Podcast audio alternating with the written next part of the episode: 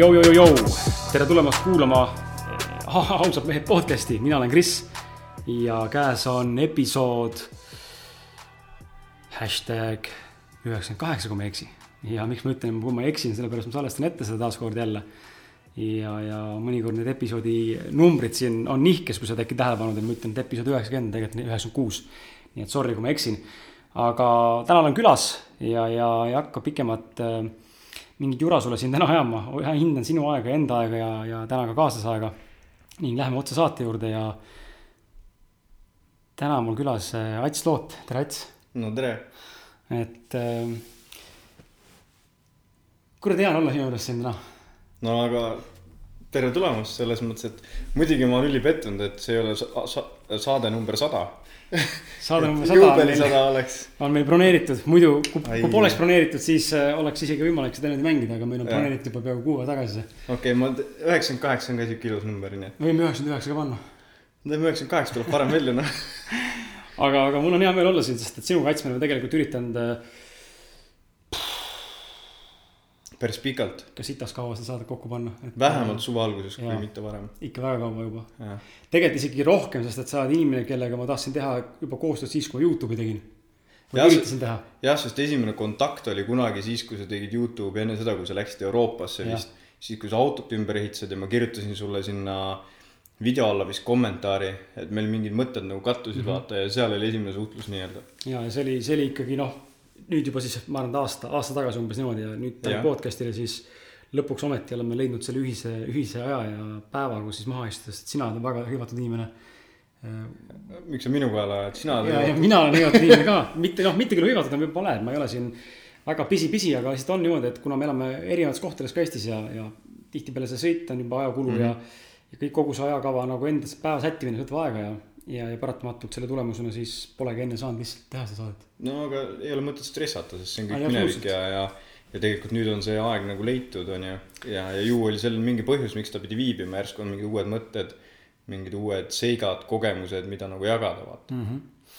ja, ja mis mul nagu sulle ka kuulaja võib-olla niimoodi tänase, enne, enne tänast saadet kõrvu, kõrvu panna või mainida, et ma arvan, et tuleb sihuke mõnus äh, mõnus kahemeheline omavaheline vestlus, ma arvan, et väga, väga mitmete erinevate teemades, me hommikul käisime Atsiga söömas ja ja tegelikult juba seal laua ääres ma nägin, et või noh, sain kinnitust taaskord jälle sellele, et, et meil on tegelikult sitaks ühist kõlapinda, millest rääkida ja meie, ma arvan, maailmavaated ikkagi mitte ju sada protsenti tõenäoliselt, aga ütleme väga suures laastus ikkagi pigem nagu ühtivad ja me mõistame teineteist, millest me räägime, kuidas me räägime, nii et ma arvan, täna, täna tuleb huvitav vestlus ja, ja ma ei välista, kui täna tuleb siit ka võib-olla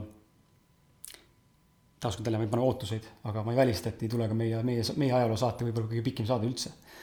ei, ma selles mõttes, nagu sa ütlesid enne vaatagi, et me hakkame pihta, et äh, aega ei ole raisata, et minul aega on, täna on pühapäev ja tegelikult kuna see on nagu podcast ehk siis video poolt ei ole, siis ma siin taga noogutasin ka, et et Krisiga suheldes on selles mõttes huvitav, et kui vaadata meid nagu ainult pilti ja me ei räägi, siis tundume me erinevad inimesed, olgu see kasvõi soeng, riietusstiil või mis iganes. aga tegelikult, kui me nagu omavahel suhtleme siis nagu on päris mitu valdkonda, milles me saame nagu, leiame ühise joone. et selles mõttes võib-olla meie toitumisharjumused erinevad, on ju, aga samas meil on ikkagi common ground seal, ehk siis ühtne nii-öelda territoorium, kus meie mõtted nagu kattuvad. Äh, olgu see sotsiaalmeedia, marketing, sotsiaalmeedia, niisama äh, Youtube, reisimine, mingid kogemused, noh. elu mingid põhiväärtused. põhimõtteliselt ainult nimetaja ja seal me leiame ka tegelikult kattuvaid alasid nii on jah, et äh, ega siin Atsiga oli enne, võib-olla täna jõuame selle teemani ka uuesti taga, taga, taaskord tagasi, aga hommikul kuidagi sattusime nagu vestlema ka sel teemal, et, et äh, analoogina võib-olla selles kohas, et, et elus nagu suhelda just nende inimestega, kes sulle endale ka meeldivad ja kellega sa nagu resoneerid, et ei ole vaja nagu hoida sellist viisakat tooni, ma nüüd suhtlen kõigiga või hoian kõigiga nagu neid sidemeid, nagu noorena tegime, et jumala eest oleks mul sada tuhat tuttavat ümberringi, et keegi minust halvasti ei arvaks ja igal pool olen selles mõttes igaühe inimese juures on nagu er-, eraldi sellise maski kandva nagu tooniga, et mitte kunagi ei ole mina autentne mina ja ei julge kellelegi öelda sorry, aga sa pole minu inimene. et täna ma näen seda, et. Äh, no isegi, kas sa pead ütlema selles mõttes, et ei pea ütlema välja, et sa ei ole minu inimene.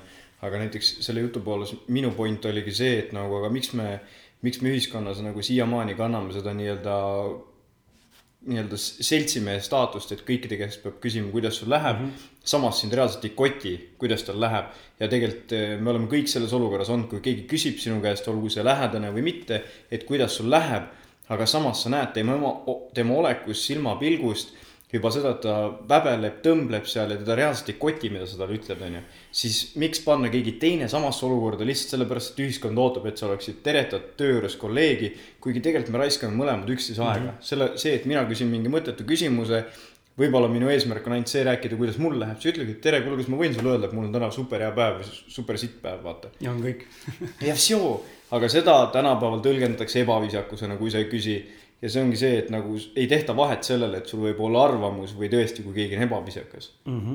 ja siis tõlgendatakse, et oi, et on ülbik, onju. tegelikult on lihtsalt inimene konkreetne ja hindab nii sinu kui enda aega. jah, see on äh, ilusti öeldud, sest et äh, ma olen siin saates võib-olla Martiniga, kui te olete, kui sa juh-, kuulaja oled juhuslikult meie igapäevane või iganädalane kuulaja, siis sa tead kindlasti, et meil on olnud ka Martiniga diskussioone sellel teemal, et äh, kas minu, minu nagu inim-, inimestega suhtlemise viis või mingil määral eneseväljendus on tihtipeale noh, mitte liiga karm või tihtipeale liiga otsekohane või, või kõlab või näib kõrvaltvaatajana ülbe, aga just, et Ats hästi kirjeldas seda ka, et äh, see on pigem vastupidi, vaadata asja nagu selles kontekstis, ma säästan meie mõlema tegelikult närve ja aega.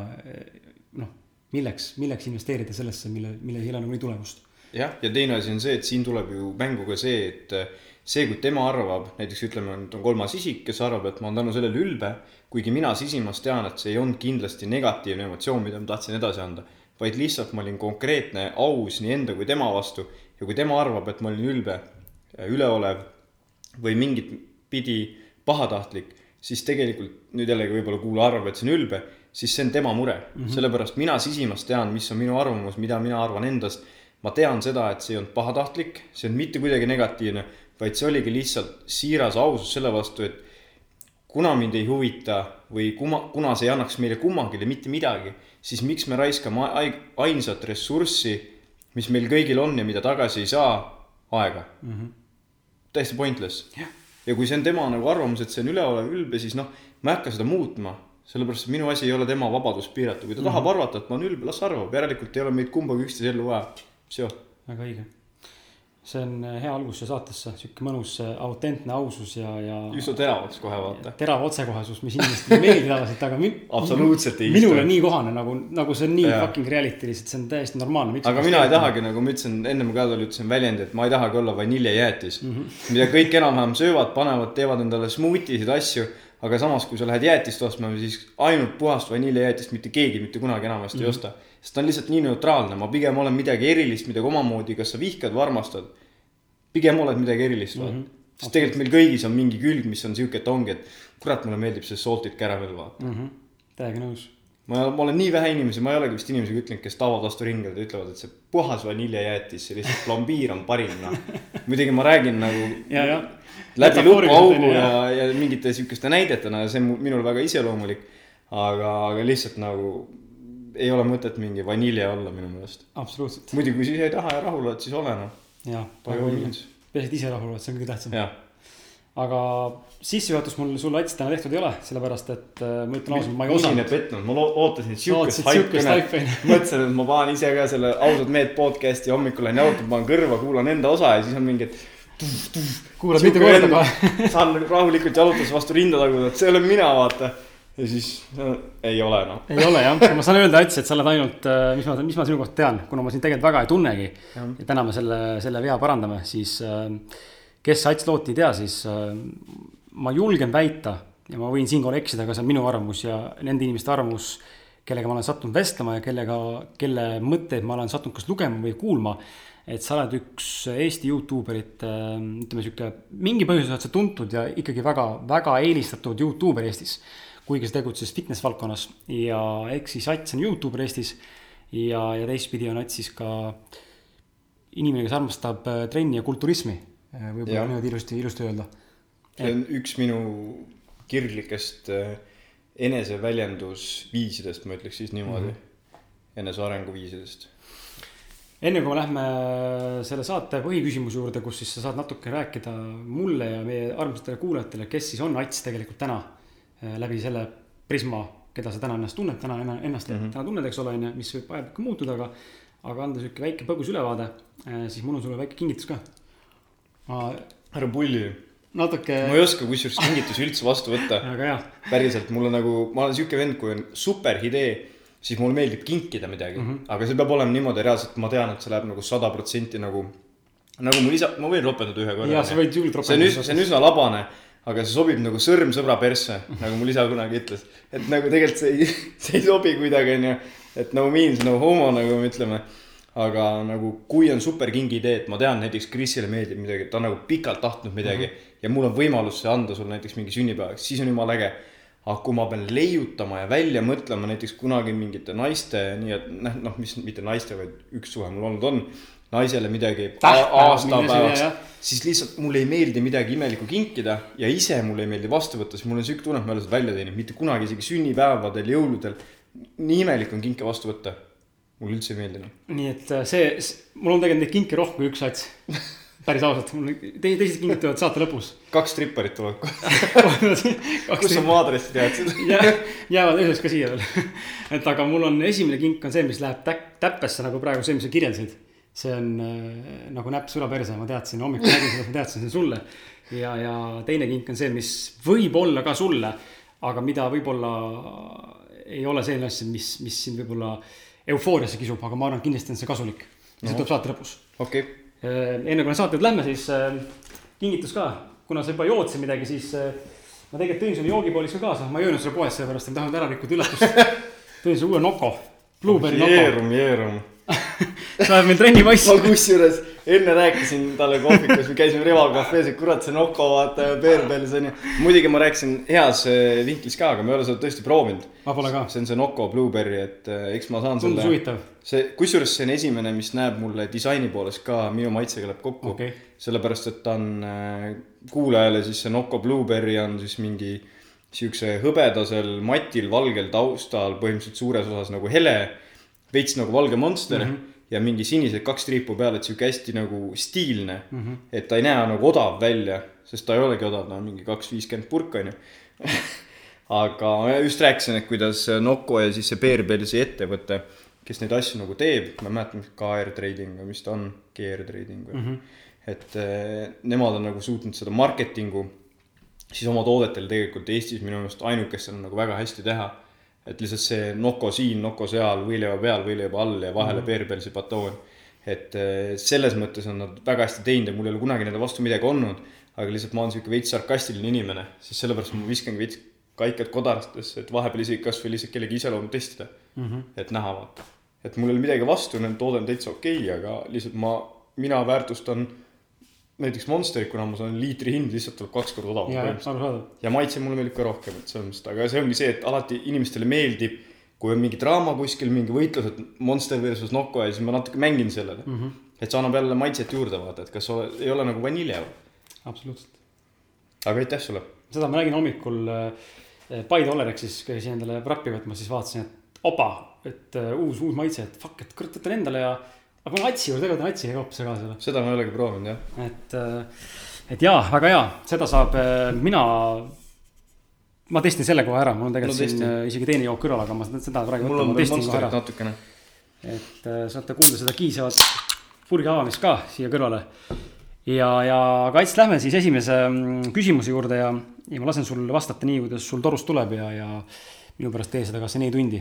impro, Impro. nagu mulle meeldib. peaasi, ma bussile jõuan, muidu võid, aega on. ma viin su ära, siit ei ole palju minna, Tartu on väike ja, ja räägi siis äh, põgusalt äh, sinu sellised, ütleme, suuremad milstone'id või, või, või suuremad sellised verstapostid, eesti keeles üli, ülinilbe sõna, aga ütleme sellised punktid, mis on sind mõjutanud inimesena või isiksusena arendanud, muutnud, lükanud, põrgatanud.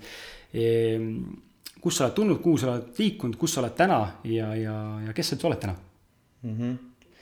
No selles mõttes tihti tasuks nagu selliseid asju küsida, et kes keegi on nagu tema väga lähedaselt inimestelt.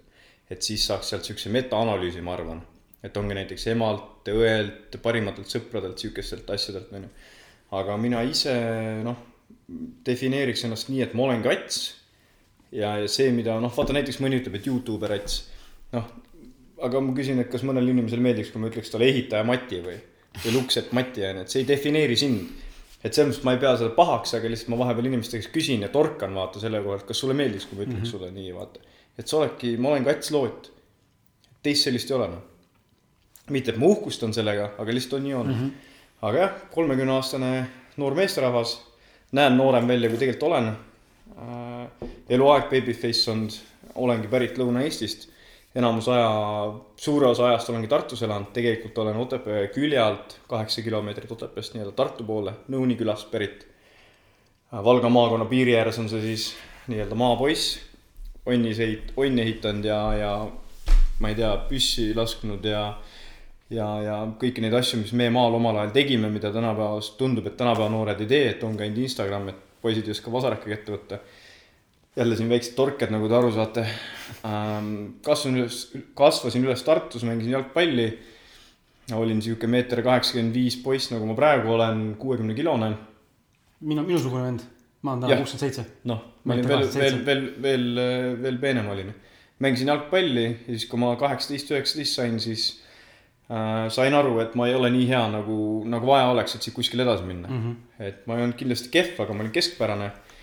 ja, ja siis ma, esimene asi, kuhu ma läksin, oli nagu jõusaal, kuna jalkahooaja ettevalmistus oli nagu jõusaalis paar korda olnud meil. ja, ja siis seal esimese kolme kuuga ma võtsin vist seitse kilo juurde, aga see kindlasti olnud puhas lihas sellepärast, et pigem oli see see, et minu aktiivsus langes, aga ma sõin samamoodi edasi mm -hmm. ja ma tegin jõutrenni.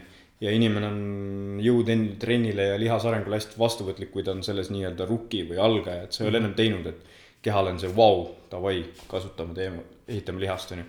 Eriti kuna ma olin hästi noh, jalkat mingi seitse korda tabas, et sa lihtsalt liigudki nii palju, et sa ei suudagi kaalu tõsta, onju. siis ma tegin trenni, siis läksin, minu üks verstapoiss suur oligi siis ähm, esimene aasta Austraalias. või tegelikult oli see sihuke pool aastat, sest ma läksin nagu aastaks, aga ma tulin mingi kuue kuu pärast tagasi. see oli siis, kui ma kakskümmend sain. aasta oli siis kaks tuhat üheksa, siis kui veel see nii mainstream ei olnud, aga juba inimesed käisid Austraalias. Seal ma sain väga-väga palju nii-öelda täiskasvanumaks. et esimest korda lendasin lennukiga mul oli kümme tuhat krooni ehk siis tuhat dollarit taskus, astusin äh, Sydney lennujaamast välja. esimese nelja päevaga kulus kuussada dollarit ära ööbimiste peale, kõik mingid nännid, mis sul vaja osta on, vaata mm. -hmm. ja, ja põhimõtteliselt siis ei olnud Facebooki või Facebook oli alles tulnud äh,. oli Orkut oli eestlaste seas põhiline. Sealtkaudu leidsin mingi töökoha, lendasin Brisbane'i, sain töö. siis põhimõtteliselt olingi sealkandis, mulle hullult meeldib Brisbane'i see Gold Coast'i kant, Orkuti kaudu leidsid töö, väga rets, ma sihukest asja ei elus, elus osanud arvata. et tegelikult see oligi eestlaste kommuun oli seal, kus oligi põhimõtteliselt ühed eestlased rändasidki Sydneyst vaata Mel-, sinna Brisbane'i. ja, ja neil üks mingi šveitslane või keegi hüppas alt ära mm, -hmm. kuhu nad läksid tööle ja kolm, neli töökohta oli, kolm venda jäi alles, üks oli üle. Ma kirjutasin, tulen pühapäeval ostsin teisipäevaks lennupileti, lendasin kohale ja psühho mm. -hmm. ja magasin algul esimesed mingi kaks nädalat magasin garaaži varju all. niimoodi, et telki ei olnud, lihtsalt madratsi peal õues. siis saime mingi maja muidugi seal oli igast seiklustest, sellest võiks ma ei tea eraldi mingi neli tundi rääkida. või rohkemgi, et oleneb, kas on väike õllekõrva või ei ole. tulin Eesti tagasi. siis läksin ülikooli tagasi. Ma nimelt olen, ma ei ole lõpetanud, aga ma olen kaks aastat õppinud ja mingi sada EAP-d teinud siis füüsika ja keemia õpetajaks Tartu Ülikoolis. mida, mida, sihuke vend. no päris loll ei ole jah. aga see on ka sellepärast, et see õpetajaamet oli, ma läksin sinna sellepärast, et mulle meeldib hästi paljudes asjades kaasa rääkida. seega see annab mulle selle võimaluse, et olenemata inimesest, kes minu vastas on, olgu ta kuuekümne aastane või viieteist aastane, et ma leiaks temaga mingi jututeema ja, ja et ma ei oleks võhik, et ma olen natukenegi varbaid sisse kastnud. et sellepärast see pedagoogi pool nagu oli midagi nagu minu tassteed Äh, ära ma ei lõpetanud, kuna siis ma läksin korra sõber kutsus Soome tööle.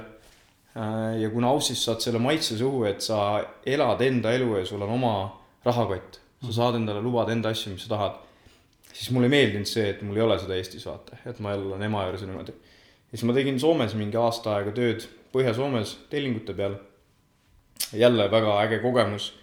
miinus viiekümnega lumetormi käes nii-öelda metalli tõsta ja peksta, noh, see on päris huvitav ja siis äh, tolleaegse kaaslasega või elukaaslasega läksime uuesti Aussi, see oli vist kaks tuhat kolmteist. jah, teine pool. olime seal äh, kaheksa kuud järsku või ka jälle äge kogemus, jälle õpid, noh, ma ei ütlegi kunagi millegi kohta nüüd praegu enam, et negatiivne kogemus, sest tegelikult miks ma peaks nagu mõtlema tagasi millegi negatiivse peale, kuigi sealt oli nii palju positiivset võtta mm. -hmm. et üliäge kogemus. Äh, äge vibe on Austraalias, me elasime si-, Brisbane'i kesklinnas täitsa. Äh, kui keegi on Brisbane'is käinud, siis seal on Grey Street, põhimõtteliselt põhitänav seal Brisbane'i kesklinnas, seal oleva nii-öelda jõe ääres oleva basseini ääres, sealt edas sada meetrit et üks parimaid kohti, kus Brisbane'is minu meelest elada.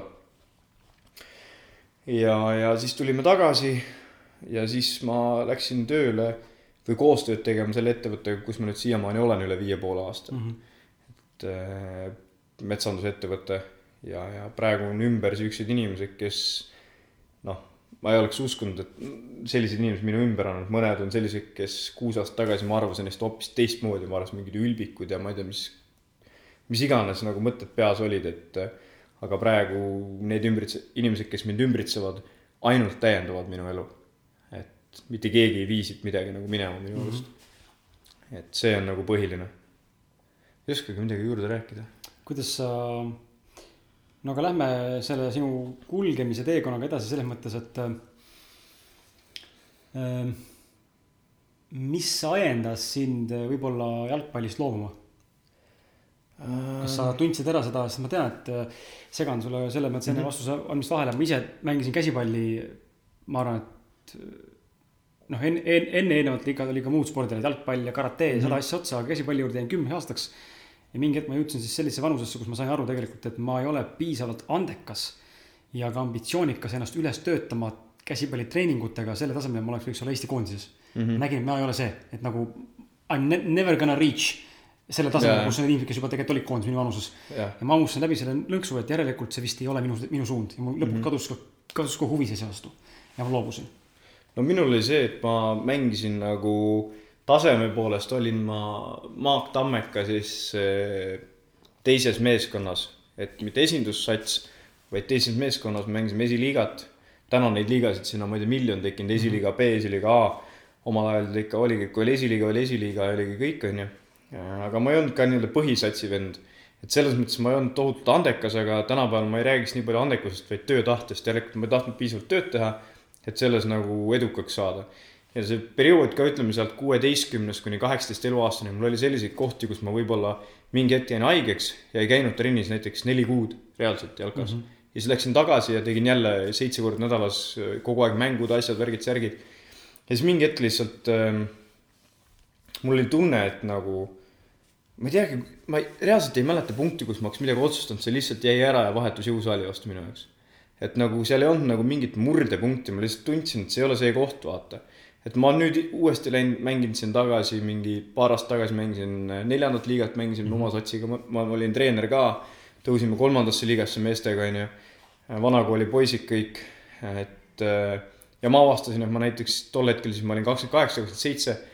muidu ma ei olnud vasaku jalaga mitte kunagi osav aga siis, kui ma mentaalselt lasin sellest lahti, et jumal, ükskõik kuidas ma mängin, vaata, siis ma vasaku jalaga täiesti vabalt võisin mängida mm. -hmm. et lihtsalt jälle siuksed huvitavad asjad.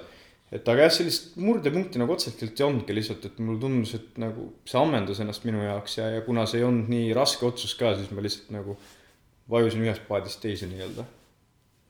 et sihuke huvitav minu puhul. mis mulle praegu sinu jutust nagu viimases vastuses kõrvu jäi mis on hästi tugevalt pinnal täna minu enda elus, eraelus just elukaaslasega rääkisime sellest viimased paar päeva oleme tegelikult sel teemal üldse kokku rääkinud juba ja.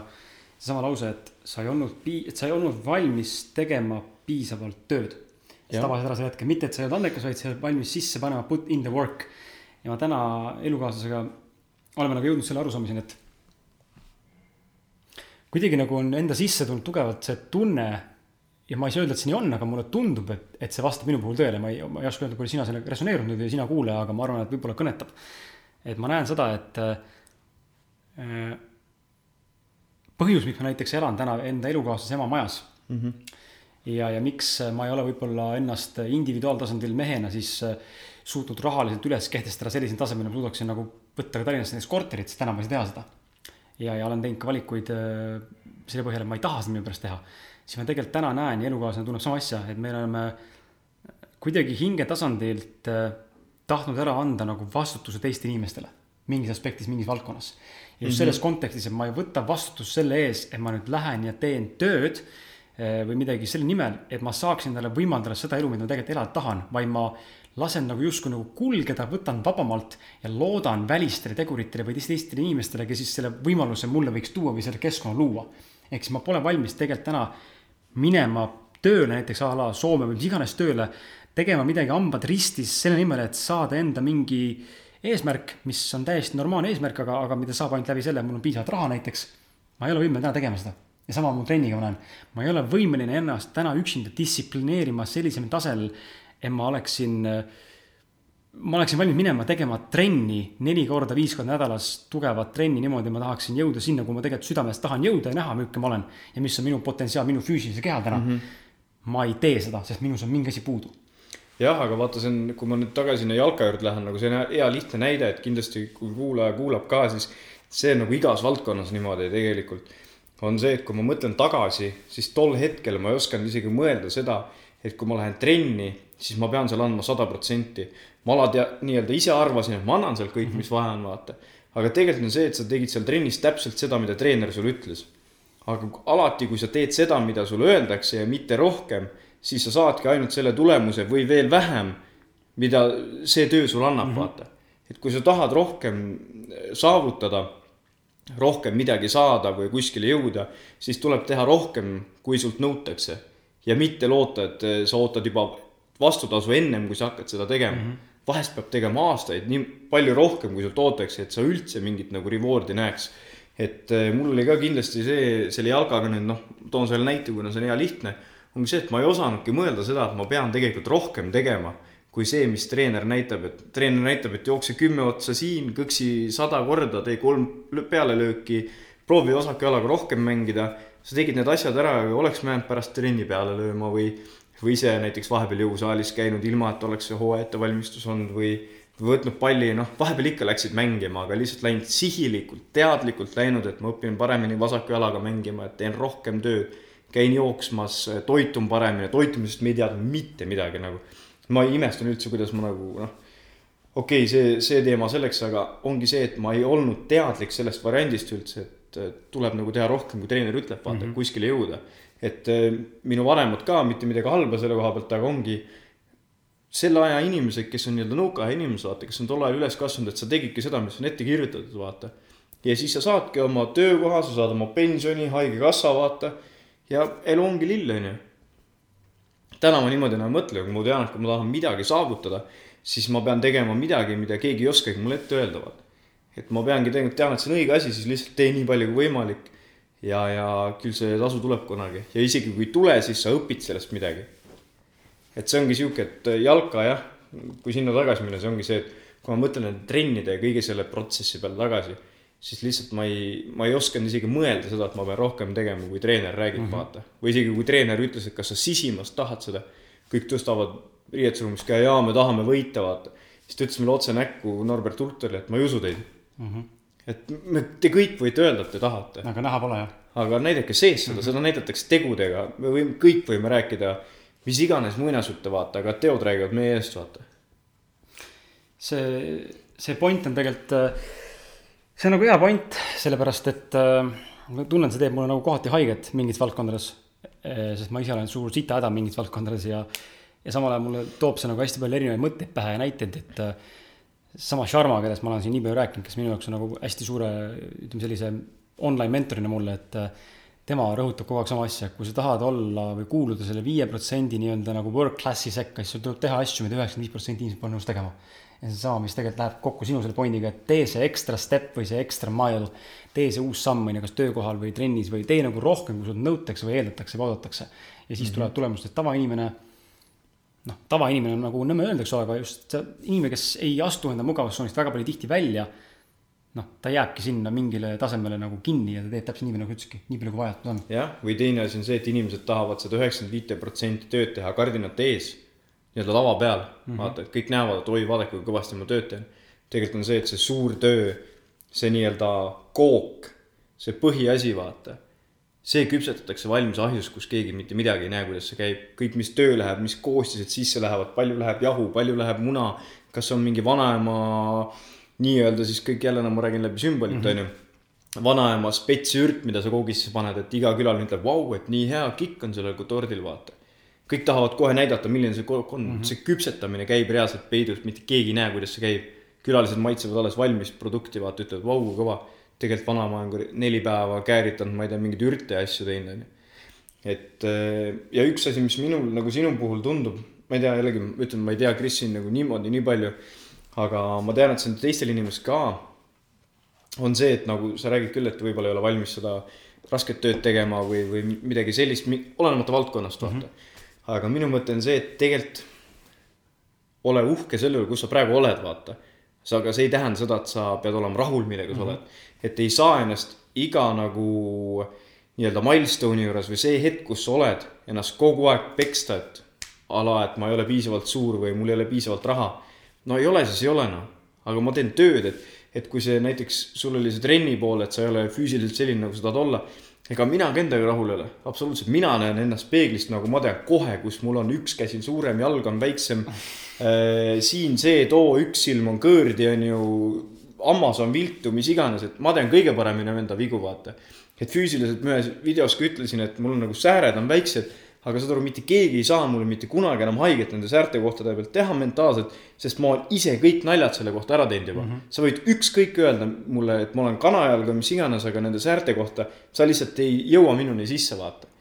et minu punkt, mõte ongi see, et ähm, sa, mulle tundub vähemalt, see on minu arvamus, et sa peksad ennast ise liiga palju selle koha pealt, kus sa oled praegu. Mm. -hmm. ja see hoiab tagasi seda, et võib-olla sammud edasi teha. Et okei okay,, me oleme siin, base level, mis nüüd vaja teha on?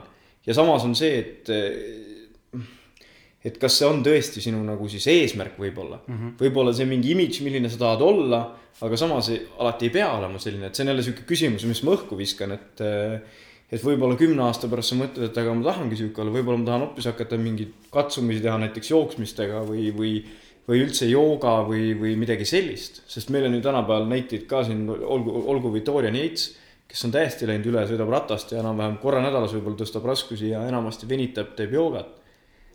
et eh, noh, ma arvangi, et see põhipunkt ongi see, et võib-olla saad aru, kus sa praegu oled ja ära ole selle vastu negatiivne, sest tegelikult see, mis sa täna oled, on sind siia toonud ja sinu, sinu, sinu selliseks kuju, kujundanud, vaata.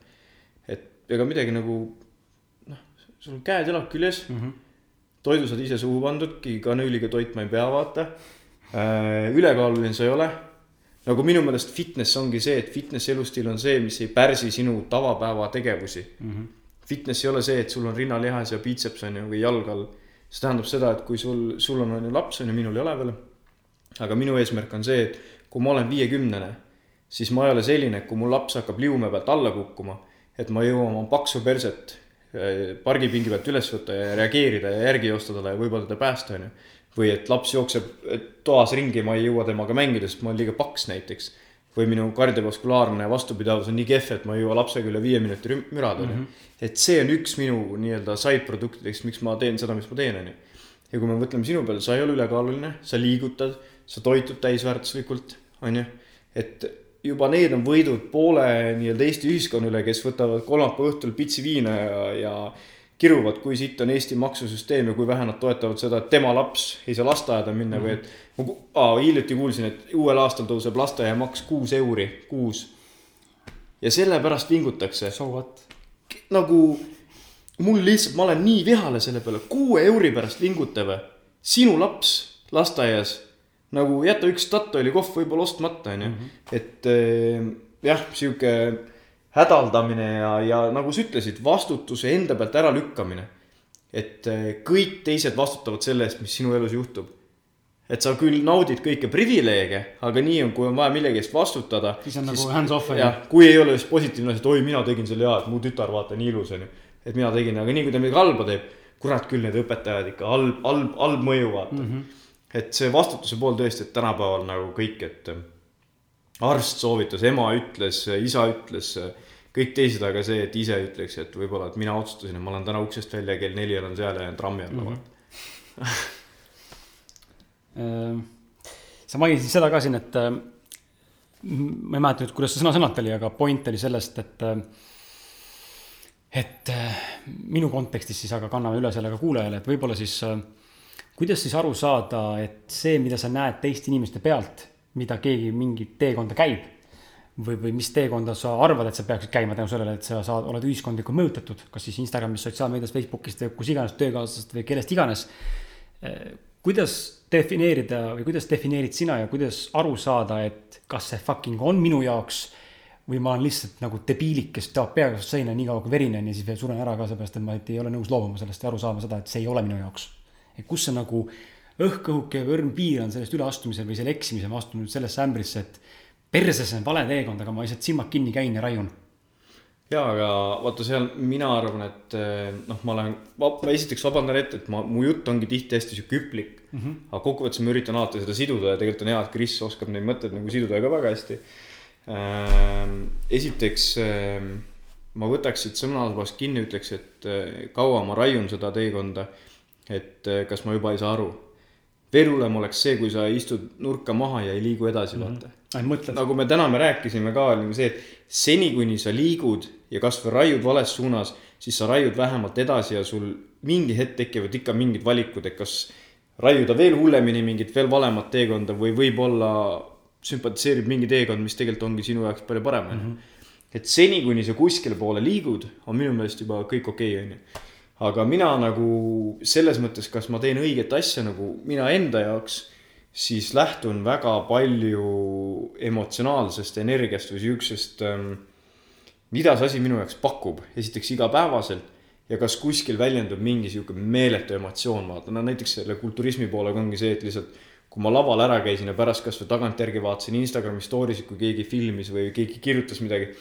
ma lihtsalt see energia, mis ma sain juba seal laval, see olek nagu mul on praegu jalgade ja käte peal lihtsalt külmavärinad, et see on nagu, sa oled kuus kuud dieedil, enne seda küpsetad, nagu me enne rääkisime Soomes mm -hmm. selle tekstiga, küpsetad seda kooki, teed iga nurga alt perfektseks, vaata.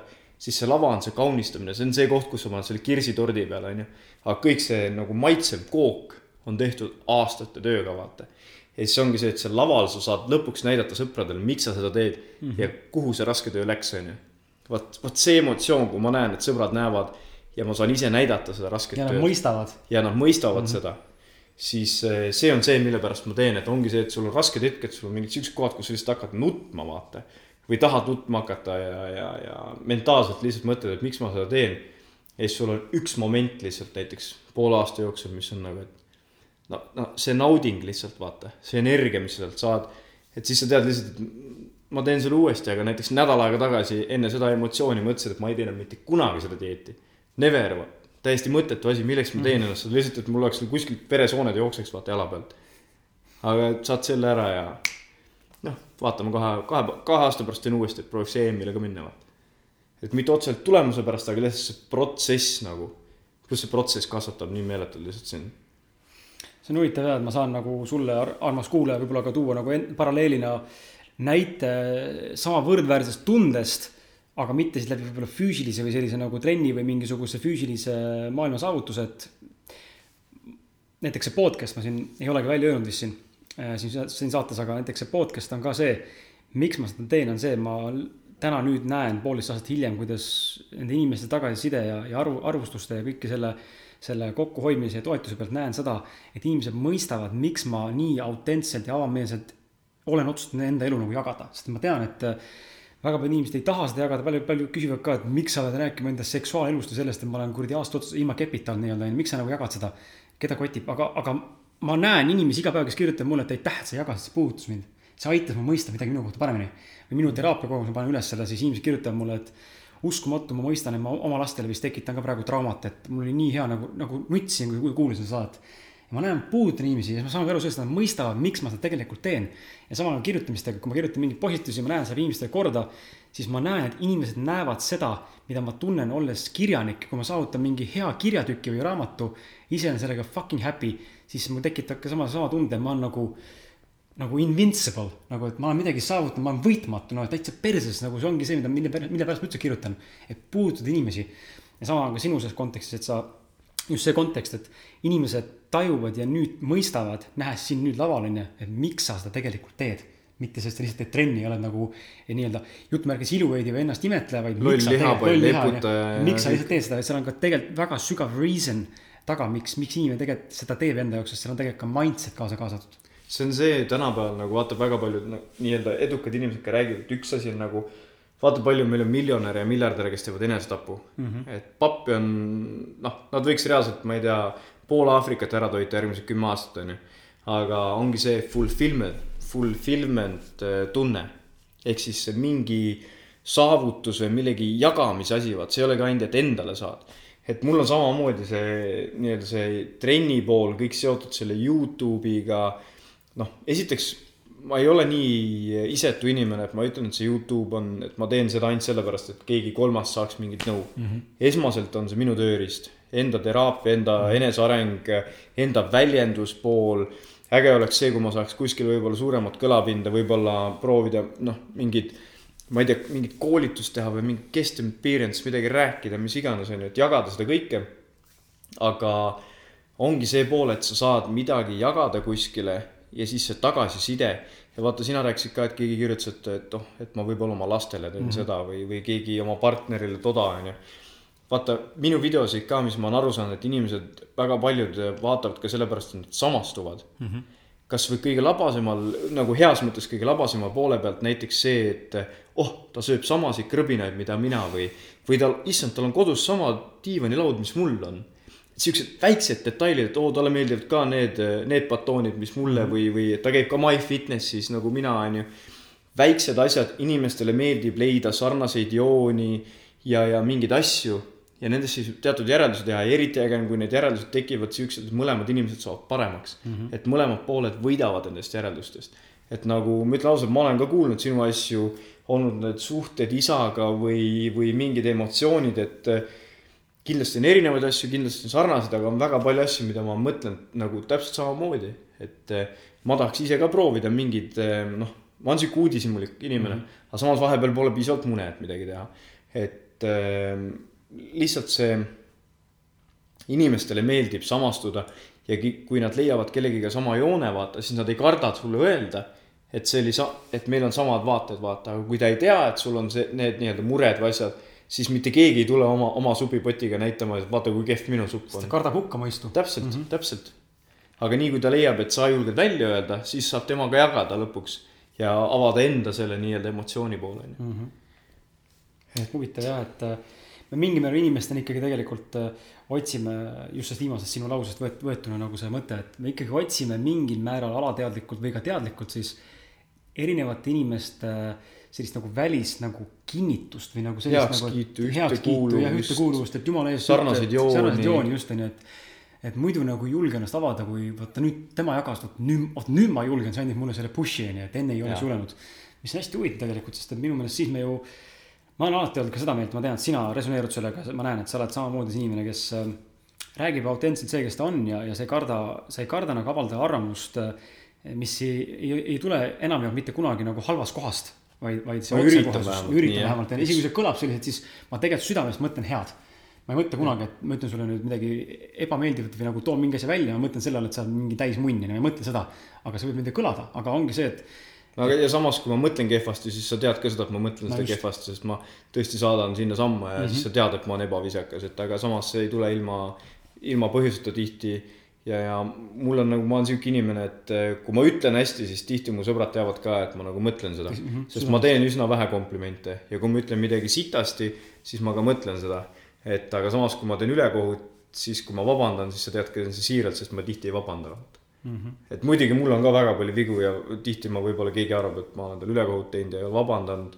kui ei ole, siis ei ole, sorry, noh, elu on edasi läinud ja, ja ju siis ma olen kehv inimene, aga samas ma nagu ei hakka selle üle stressama sest üks moment, ma mäletan ülihästi, oli see sihuke stressi koha pealt oli sihuke huvitav koht oli. ma käisin tööasjas Pärnus ja mul lendas autol kapoti alt lendas aur üles, kõik nagu, nagu filmis reaalselt niimoodi. nagu tosoolilõdvik lendas laiali. jään siis pärast nagu Pärnust Tartu poole mingi, ma olin saanud sõita võib-olla kakskümmend kilti tee ääres lihtsalt istun ja. ja mõtlen, et noh, tosool kapoti alt kõik läinud, kõik jahutusvedelik mootori alt väljas, mootoritemp üleval, mootori lülitasin välja istun seal ja siis mõtlesin reaalselt mingi viis minti ja nagu, nagu praegu jalad diivani peal niimoodi mugavalt, noh, Kris näeb, onju, ma praegu kirjeldasin teile. mõtlen, et aga ma ei saa ju, miks, miks ma närvitsen? miks ma hakkan närvitsema, miks see minuga juhtus? et point ongi see, et kui sa ei saa midagi muuta ja selle muutmisel ei ole võimalust nii-öelda, et see on minevikus juba tehtud või sa oled juba selle ütlenud, et sõnad on sinu suust lahkunud, siis mille pärast enam stressata selle pärast, mis sa tegid?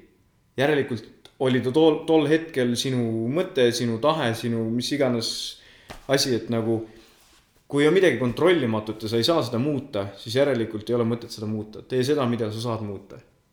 kui ei ole midagi, kui on probleem, mida ei saa muuta, siis tegelikult ei ole probleemi ju mm. -hmm. nagu vähemalt minu mindset on selline ja kui on probleem, mida ma saan muuta, siis järelikult ei ole probleemi, siis ma saan selle ära parandada Mm -hmm. et noh, sihuke natuke stressivabam jälle, et see on jälle üks moment, mis mul tuleb meelde, üks seit minu elust, mis oli sihuke, kus ma mõtlesin, et aa, et jah, et juhtub, siis juhtub, vaata mm. -hmm. ma ei saa ju muuta, et mul tosoolilõdvik lendas. kerid tagasi ja siis ei tee nii. et see on jälle kuulajale, et see on sihuke sümbolitega näide on ju, aga kui midagi juhtub, et ma ei tea, sul kaob telefon ära kuskilt ja selle ülesse, siis noh, järelikult tuleb minna osta uus telefon või leida asendustelefon. ja ongi kõik noh. mitte, mitte nädal aega nutta või. ja, hädaldada ja, ja igale vennale kirjutada, helistada, et issand, saate aru, mul kadus telefon ära, kujutad sa ette mm. -hmm. iga päev kaob inimeste telefon ära, küsimus on selles, et kui palju sa lased sellel nagu vampiir endast energiat imeda ja ainult hädaldada. järelikult oligi, võib-olla oli kehv telefon, võib-olla nüüd on võimalus sul ettekääne osta endale uus iPhone üksteist tead. see on jälle, läheb kokku, ma arvan, selle vastutuse äraandmisega selle, selle näite kohalt siis selle sündmusele ja ma jään Jah. kinni sellesse. võta vastutus endale, kõik, mis on võimalik nagu noh, ma ütlen nagu see, mõnele väga see näide võib-olla ei meeldi. aga näiteks on inimesed, kes ütleme, käivad arsti juures, saavad diagnoosi, arst soovitab, ehk siis kirjutab retsepti välja mingile ravimile, on ju, olgu ta mis tahes. ja siis sina paned selle ravimi suhu. ja nüüd ütleme, näiteks see ravim sinu organismiga ei sobi, mis on esimene asi, mida inimesed teevad? Arst andis mulle, kirjut-, kujutate ette, oma ala professionaal kirjutas mulle välja ja andis mulle valed rohud minu küsimus on see, et aga kes see sulle rohu sulle suhu pani mm? -hmm. ma võin minna apteeki, selle retsepti osta, selle apte-, tabletid koju tuua ja seni, kuni mina selle tableti suhu panen, on, tollest hetkest on see minu vastutus. et nagu arst võib mulle kõike välja kirjutada, aga seni, kuni nagu noh, sa võtad selle võimu teistelt ära, et tema vastutab sinu elu eest, vaata. et min-, ega ma ei räägi ka praegu nii, et ma perfektne olen, ma vahepeal olen väga laisk ja lükkan kõik vastutuse minema, vaata aga ma üritan vähemalt mõelda ja edaspidi järjest rohkem niimoodi ka tegutseda, et kõik, mille eest mul on võimalik vastutada, kas ma lähen trenni, ma ei hädalda sellepärast, et ilm on kehv, vaid ma ütlengi, et ma ei viitsi täna minna, aga ma lähen. võtan vastutuse või kui ma ei läinud, siis ma ei mõtle seda, et oh, et jah, et tegelikult ju öeldi mulle, et puhka niikuinii. ei, ma olin nagu laisk või, või noh, see vastutuse võtmine, et sa tegelikult võtad teistelt võimu enda üle ära mm -hmm.. nii-öelda, et sa ei anna neile vabadust sind mudida, korrigeerida mm, -hmm. olla nii-öelda siis tänapäeval see nii-öelda inf- influencer, vaata. et noh, ma ei, ma ei oska seda, minu jaoks on see nii naljakas, et inimesed tänapäeval ei võta nagu vastutust, et me enne rääkisime korra ka, et mingi paks vend istub diivanil, hädaldab, kui sitt on lastetoetussüsteemid ja mingid asjad, et võib-olla läheks siis kaevaks veel tunnikese lisakraav, et omale lapsele mingi raha teenida, et ei joo siin seda raha mingi viina peale maha ja kuradi saab kuskad kõrvale vaata ja siis hädaldab, kui sitt meil riik on nagu, mis sa arvad, et sinu maksumaksja sent nagu mängib suurt rolli meie majanduses, see, et sa aastas võib-olla, ma ei tea, kogu, kogu maht, mis sul sinna teedesse või kuhu läheb või lastehoidu mingi kümme senti, ma, ma ei kujuta ette, mis summa see on nagu naeruväärt, sellest ei saa mitte midagi vaata. aga hädaldama oleme kõvad, et küll on poliitikud kehvad no, ja nii edasi. See on jälle see, et sa annad kõik vastutuse ära, et riik peab, teeb minu elu vaata mm. -hmm. seda minu, minul seda küll ei juhtu, vähemalt ma annan oma parima, et see niimoodi ei juhtuks. see on jah, huvitav, huvitav asi. ma ma tahaks, teen vaheks selle no, nokoga lahti, proovime selle tee ära, muidu läheb liiga tiibiks see asi, siis kuulaja hommikul kõnnib, tahab mingit hullu positiivset nagu nooti saada podcast'ist onju. ja siis kuulab, et issand süva jumal, mingi filosoof. mingi vend lihtsalt laob talle puid alla, vaata. minu nokku ei tööta ah,. tuli lahti.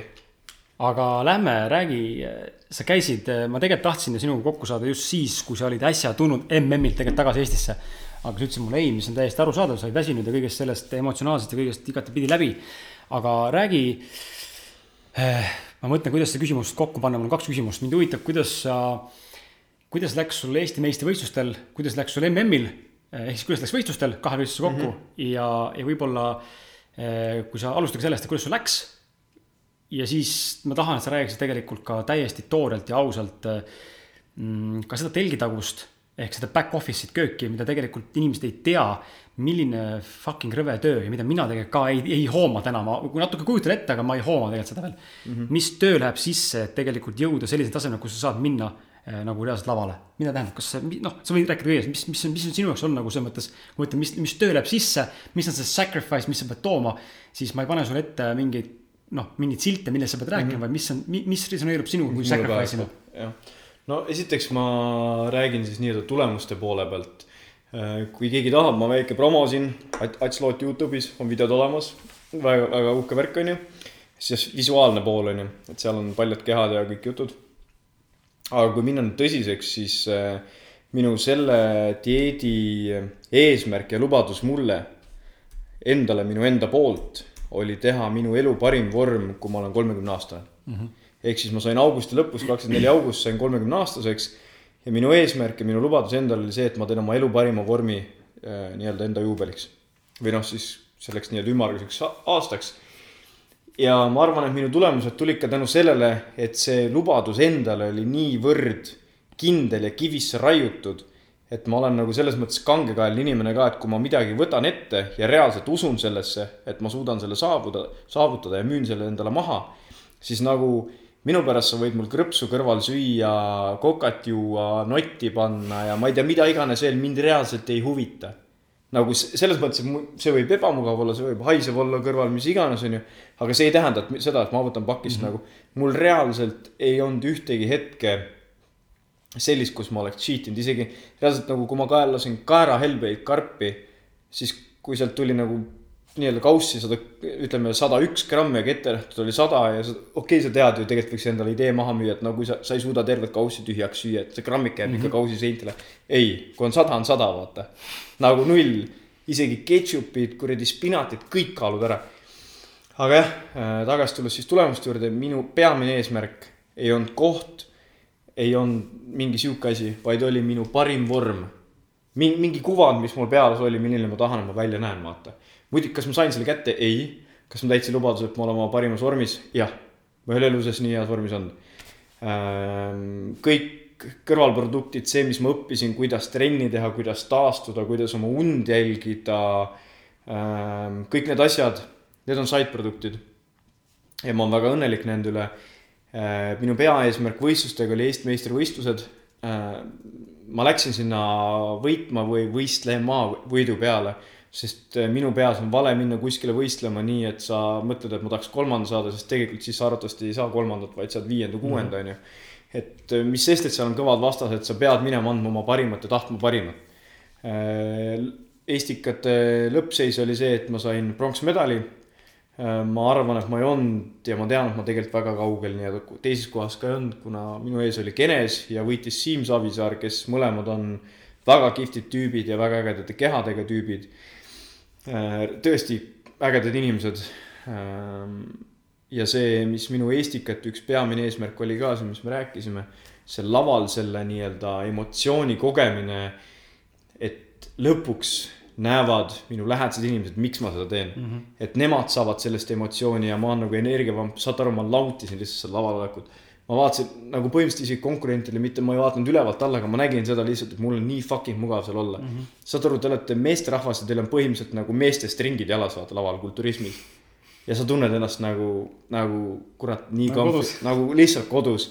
muidugi mul olid mingid kohad, kus ma muretsesin poseerimise pärast ja vaba mm -hmm. kava aga lihtsalt ma teadsin seda, et nagu ma olen sihuke inimene, kui ma saan lavale, siis ma lihtsalt naudin, ma toitun sellest energiast. et see annab mulle nii palju juurde. ja, ja see läks nagu, see päev oli väga kihvt, et seal oli muidugi oli, ma ärkasin hommikul üles, super oli olla.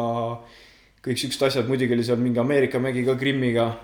aga lõpuks oli see lihtsalt sihuke, et eh, see emotsioon, mis ma sealt sain, see oli nagu fantastia, inimeste tagasiside, saad aru sulle keegi jälgija, keda ma olen võib-olla üks-kaks korda elus näinud või ei ole ka, siis kirjutab, et ma olen su üle uhke, aga ma ei tea isegi, miks.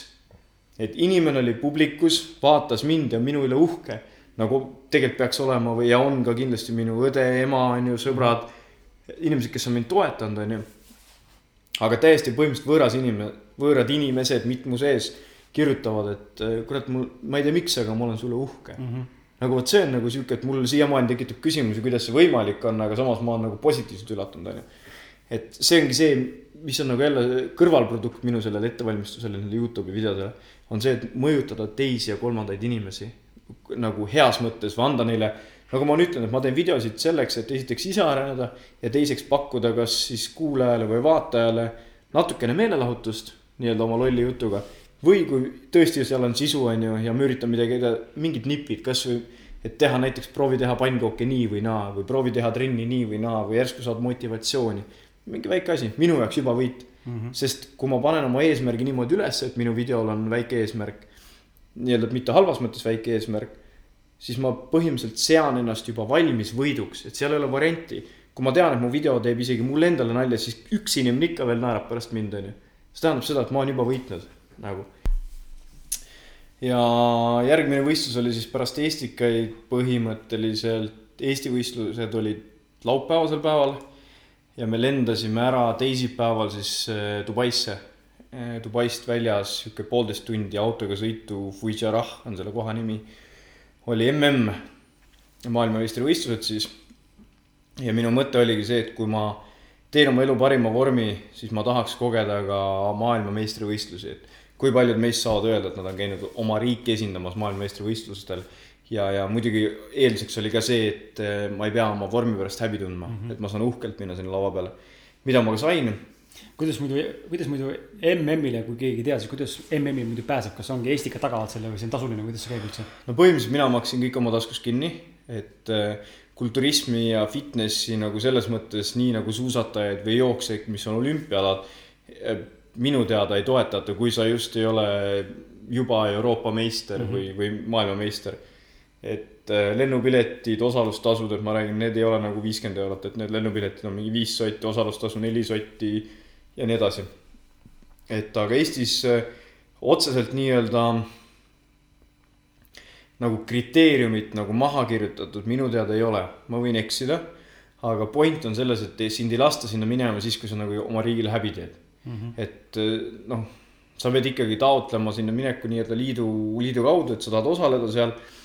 ja kui sul ikkagi vorm on sitt, siis sa ei saa sinna, lihtsalt öeldakse, et me ei registreeri sind, on ju, vahet pole, palju sul pappi on. aga kui sul on ikka nii-öelda decent vorm ja, ja sa ei pea häbi tundma, siis põhimõtteliselt, kui sul plekki on, siis mine, mhm. on ju. Soomes vastupidi, näiteks minu teada vist top kaks oma kategoorias saavad minna, on ju. aga jah, läksime sinna ja noh, selles mõttes muidu on ju kulturismivõistluste tüüpiline asi, et sa käid nagu laval ära ja siis saad minna sõpradega pannkooki sööma või sushit või midagi. ma tulin otse koju, tegin oma pudru, läksin magama, et lihtsalt kui sul on plaan ja eesmärk, siis sa nagu oleks mul võistluste vahel olnud võib-olla kaks-kolm nädalat, siis mm -hmm. ma oleks võinud ühe mingi cheat meal'i endale lubada. mille, millesse ma väga ei usu tegelikult. tulin koju, tegin eined, läksin magama ja muidugi vaatasin Instagrami story sid tagasisidet sellest, mis ma sealt päevast nagu kogesin, siis. ma põhimõtteliselt ei saanud väga undki, sest lihtsalt see emotsioon oli nii mm -hmm. nagu mega, see laeng, mis sealt tuli. ja, ja MM-i eesmärk minu jaoks oli lihtsalt kogeda seda melu, näha, mis see seal on ja kas ma kuulun sinna, kas ma sobin sinna või mitte. nüüd mina selles mõttes olen nagu kasvanud kaerahelveste ja, ja munavalgete peal. et eh, kui ma olen dieedil ja, ja mõni näeb mind tänaval jopega, siis ta vaatab, et see vend ei ole trenni teinud, onju. Mhm. et ma pean ikkagi riided maha võtma, et näidata, et mul midagi on. Eh, MM-il selles liigas nagu see dopingu kontroll, noh, ei ole, ma, mina, mina kasutaks sõna on puudulik Mm -hmm. et see on nagu minimaalne, et me naljatasime Siimu Savisaarega, et nagu, et kui võetakse dopingukontrolli alla, need meie kaks, sest me näeme ilmselgelt välja nagu, et me ei tarvita midagi, onju. et äh, aga minul ei ole selle vastu midagi, et seal ei kontrollita. sellepärast, et minu jaoks on kulturism midagi sellist, mis ei saagi olla, et tänaval tuleb sul kulturist vastu, näiteks riietes, ja sa ei saagi aru, et ta on kulturist, onju mhm. nagu kulturism on, see, selle alge on selline, et see on nagu, see peaks võtma inimesel nagu vau wow, kui suur mees või Sarraiskus on nagu lihase ehitus, on ju, et tugev, suur, sihuke mina ei saa kulturistiks, no ma ennast ka nagu kulturistiks otseselt ei nimeta. sellepärast, et minu jaoks ei ole kulturist mingi kuuekümne viie kilone meeter kuuskümmend vend. sa võid nagu tegeleda kulturismiga, aga minu jaoks ja mitte halvas mõttes ei ole see kulturist, vaata mm. -hmm. sest kulturist peab olema ikkagi midagi, mida kõik ei suuda saavutada, ma tahan ikkagi midagi erilist olla, vaata. ja muidugi olen mina ka, noh, ongi see, et siis see doping on seal ikkagi, ütleks nii, et teatud maades kindlasti väga populaarne mm. -hmm. aga jällegi minu jaoks on see, mul oli suht ükskõik, minu eesmärk lihtsalt oli see, et kui ma seisan seal kuueteistkümne mehega rivis, mina sealhulgas, et ma ei paista seal välja, nagu ma ei sobi sinna. et kokkuvõttes minu vorm oli hea, ma sobisin sinna. ma protokollis märgiti mind koht üksteist kuni kuusteist, arvatavasti ma seal umbes kaks-kolm venda, võib-olla neli venda jätsin enda selja taha. Siim Savisaar jõudis poolfinaali, sai kaheksanda koha me olime samas kategoorias siis klassikaline nii-öelda kulturism. Inglise keeles on tegelikult see veel games, classic bodybuilding, aga mm -hmm. noh, sellest nii-öelda selet-, noh, ei ole mõtet nagu lahti seletada, kes tahab uurida, ma arvan, et leiab selle vahe üles seal. ja, ja kokkuvõttes oligi see sihuke äge kogemus, sest mul oli nagu no stress sinna minna. lava taga vennad tõmblevad seal, närvitsevad, krimmid, asjad, ma olin nagu, et nagu noh, ma olin isegi pump, seal on nii-öelda enne lavale minekut sa pumpad nagu lihasesse verd ka, et näha visuaalselt mm -hmm. suurem välja, vaata ja see pumpamisala ja siis ma vaatan seal vendi kõik mõõdavad üksteist silmadega, ma olen siis lihtsalt nagu enesekindla ajaga veits naer-, naer-, naeran niimoodi, mul ei olnud veel pumpamiseks jäi kumm maha ja Krimmiga olid mingid probleemid, aga lihtsalt ma nagu. mul oli tunne, et nendel oli ebamugav mind vaadata, sest ma ei näinud mõnele vennale nagu konkurent välja otseselt. aga samas mu nägu oli selline peas, et nagu ma naudin seda kõike vaata, et see võis nende jaoks ebamugav olla. ja, ja laval ka oli väga äge olla ja, ja muidugi vähe sai olla ja võistleja minus oleks kindlasti tahtnud rohkem saavutada. aga, aga ülikõva kogemus ja, ja ma arvan, et kui mõni mees oleks minu asemel sinna läinud, nii-öelda ma ei räägi nagu kindlasti nii-öelda konkreetne inimene mm, -hmm. vaid mõni inimese tüüp, siis see oleks võinud kedagi väga palju heidutada. sellepärast, et kui sa kõnnid sinna nii-öelda alasse sisse, kus need kõik võistlejad on, on ju, siis seal on siuksed elukad lihtsalt, nagu reaalselt siuksed loomad et see võib olla sihuke asi, et fuck, et ma olen nagu noh, mina Ats on ju, olen kümme aastat rauda tõstnud ja ma näen nende kõrval väik-, välja nagu mingi väike päkapikk on ju mm. -hmm. et siis sa mõtled, et miks ma seda teen, aga siis sa pead ka aru saama, et need eesmärgid peavad olema sinul pandud õigetele põhjustel. ja, ja ma saingi aru, et ma teen seda, mulle meeldib see, sest ma vaatasin seal neid inimesi mitte niimoodi, et fuck, kus on koll, et ma ei sobi siia. vaid ma imetasin nende tööd. Vau, sellel vennal on käed. Vau, milline on sümmeetria ja kõik see lihasehitused mm, -hmm. detailid ja kõik see, et see on raisk, vaata. et mõnele kõlab see homolt, aga saad aru, minu jaoks kulturism ei ole lihtsalt raha tõstmine, see on. ma vahepeal ütlen, et see on kõige raskem äh, skulptori amet selles mõttes, et sa ei saa lihtsalt võtta ja ma tahan õlga juurde, oh, ma löön sinna savi juurde ja oba uh. -uh. see nagu lihtsalt, sa lihtsalt surud ja surud ja toitud ja pullid ja lihtsalt üritad ehitada, aga võib-olla sul geneetika ütlebki lihtsalt, et sul noh, ongi raam selline, et sul ei kasvagi need lihased põhimõtteliselt hästi enam, et sa oledki oma potentsiaali sealt kätte saanud, kui sa ei kasuta nii-öelda siis äh, jutumärkides keelatud aineid. stiimulit nii-öelda või dopingut. jah, jah, et äh, jah, siukseid hästi palju erinevaid kogemusi seal nii toitumise poole pealt ma kogesin teist poolt, et ma nagu põhimõtteliselt ei kaalunud ühtegi toitu sealt kaalu pealt läbi ainult ühe korra, et kuna lihtsalt äh, ma kaalun oma toite ja, ja dieedi ajal oma asju toorelt või küpsetamata, mis on minu meelest kõige täpsem. siis seal oli kõik nagu bufee on ju ja oma kööki ma arvasin, et algul ei ole. siis ma pidin kõike võtma silma järgi, mida ma tegelikult ju tean, milline näeb sada grammi kuivalt välja riisi ja milline küpsetatult näeb välja.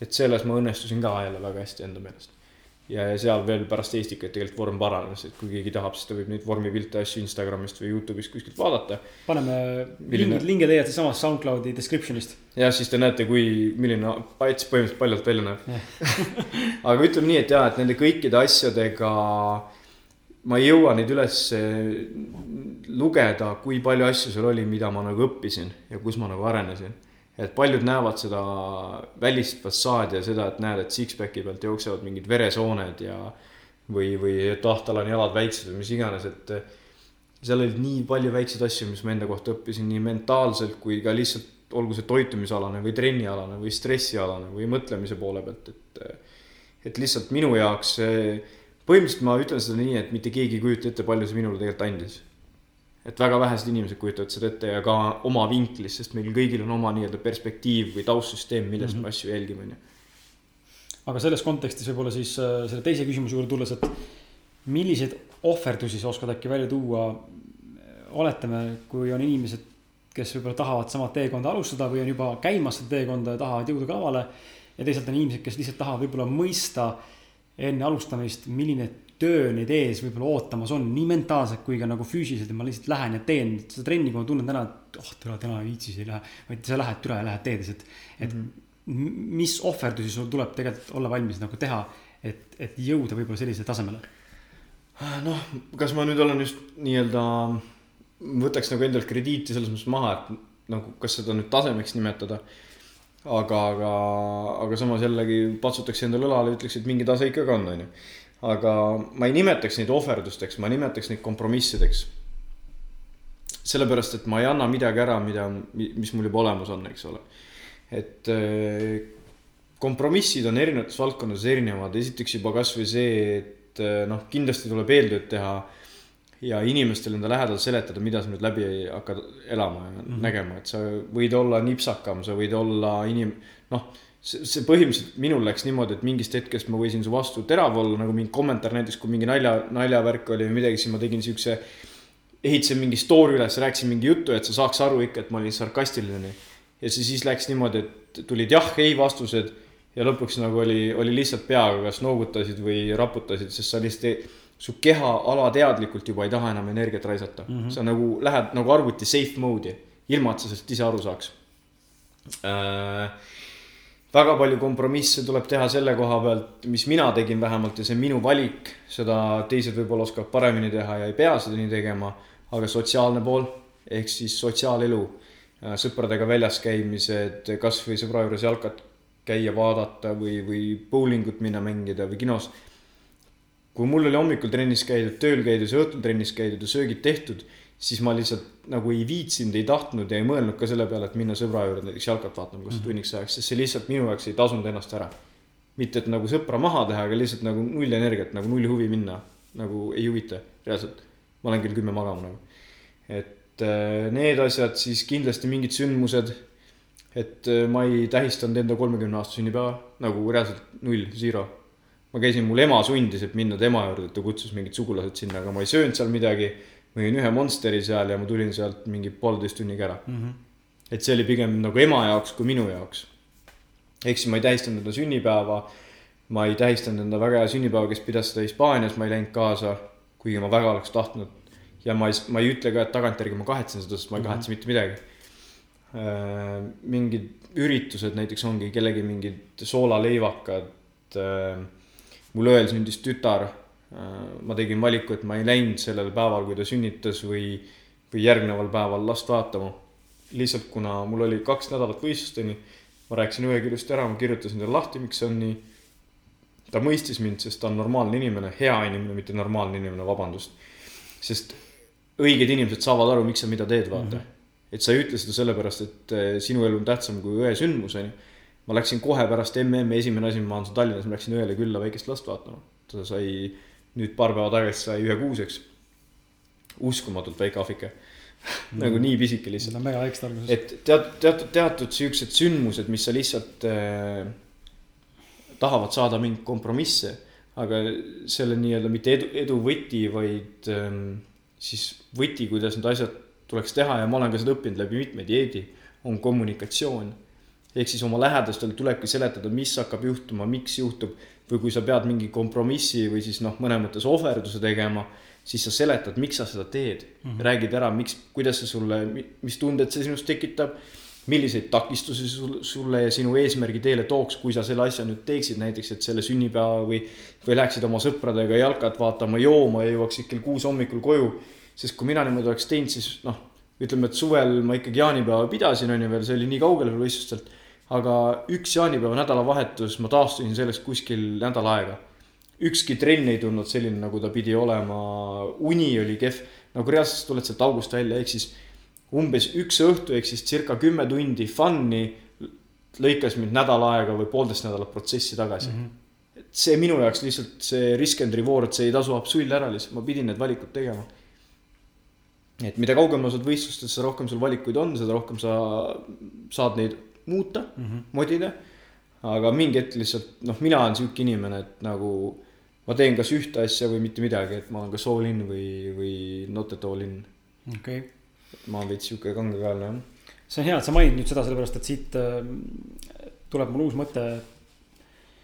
me oleme siin saates Martiniga mõned korrad maininud enda ühte sõpra, ühissõpra Toomast, kes võib-olla kunagi jõuab millega saatesse, kui ta selleks valmis on, aga sa, seesama, et all in või nothing at all, et sa teed ühte asja fokusseeritult. millised on sinu mõtted, sest et täna ma ise ka kogu aeg, ma põhimõtteliselt täna üritan, ma räägin seda probleemist siis, mis nagu ma näen, mis minu elus on nagu hakanud juhtuma mm. -hmm. või noh, ta ei ole probleem, aga mis on nagu selline dilemma, mille ma pean lahendama, sest ma ei suuda otsustada, kumba nüüd teha mhm. mm. -hmm. mis on sinu mõtted selle teema ümber, et kas teha ühte asja fokusseeritult X periood, näiteks ma ei tea, kuuest kuust kuni kahe aastani, ütleme, toome nagu näite, et kuulaja saaks aru, eh, kui pikka perioodi mõtlen. või, eh, või jätta kõik muu kõrvale, eh, nii-öelda seisma või siis teha seda kuidagi väga nagu õhkõrnalt jooksvalt kaasa teisi asju, aga olla fokusseeritud ühele asjale. või teha kolme-nelja asja, mis su elus on aktuaalsed nii-öelda kahekümne viie protsendiga igat asja. kumb on sinu jaoks nagu efektiivsem ja võib-olla miks sulle tundub, et see töötab paremini, sest mina ise olen kogenud mõlemat, aga täna ma võitlen selle juures, et mul on ma tahaks raamatut kirjutada, ma tunnen, et mul on nagu mingid mõtted hakkavad tekkima, aga ma ei suuda ennast kätte võtta ja kirjutada, sest see, selle lainele saamine on ka sihuke, ma pean reaalselt istuma võib-olla selle Wordi või Pages'i faili ees lihtsalt niimoodi tühja, tühjalt tund aega, enne kui tuleb mingi nagu mõte, et ma saan mm -hmm. nagu in the zone'i, see ei tule kohe niimoodi. siis äh, ma tahan kauplemist õppida, sest ma usun, et seal on, tekib mul rahaline valikuvabadus kunagi tulevikus, aga see võtab ka aega, on ju Äh, ma pean hakkama tööl käima, ma tahaks teha trenni, siis on mul podcast on ju, ehk siis, ja siis on sada asja korraga, et ongi.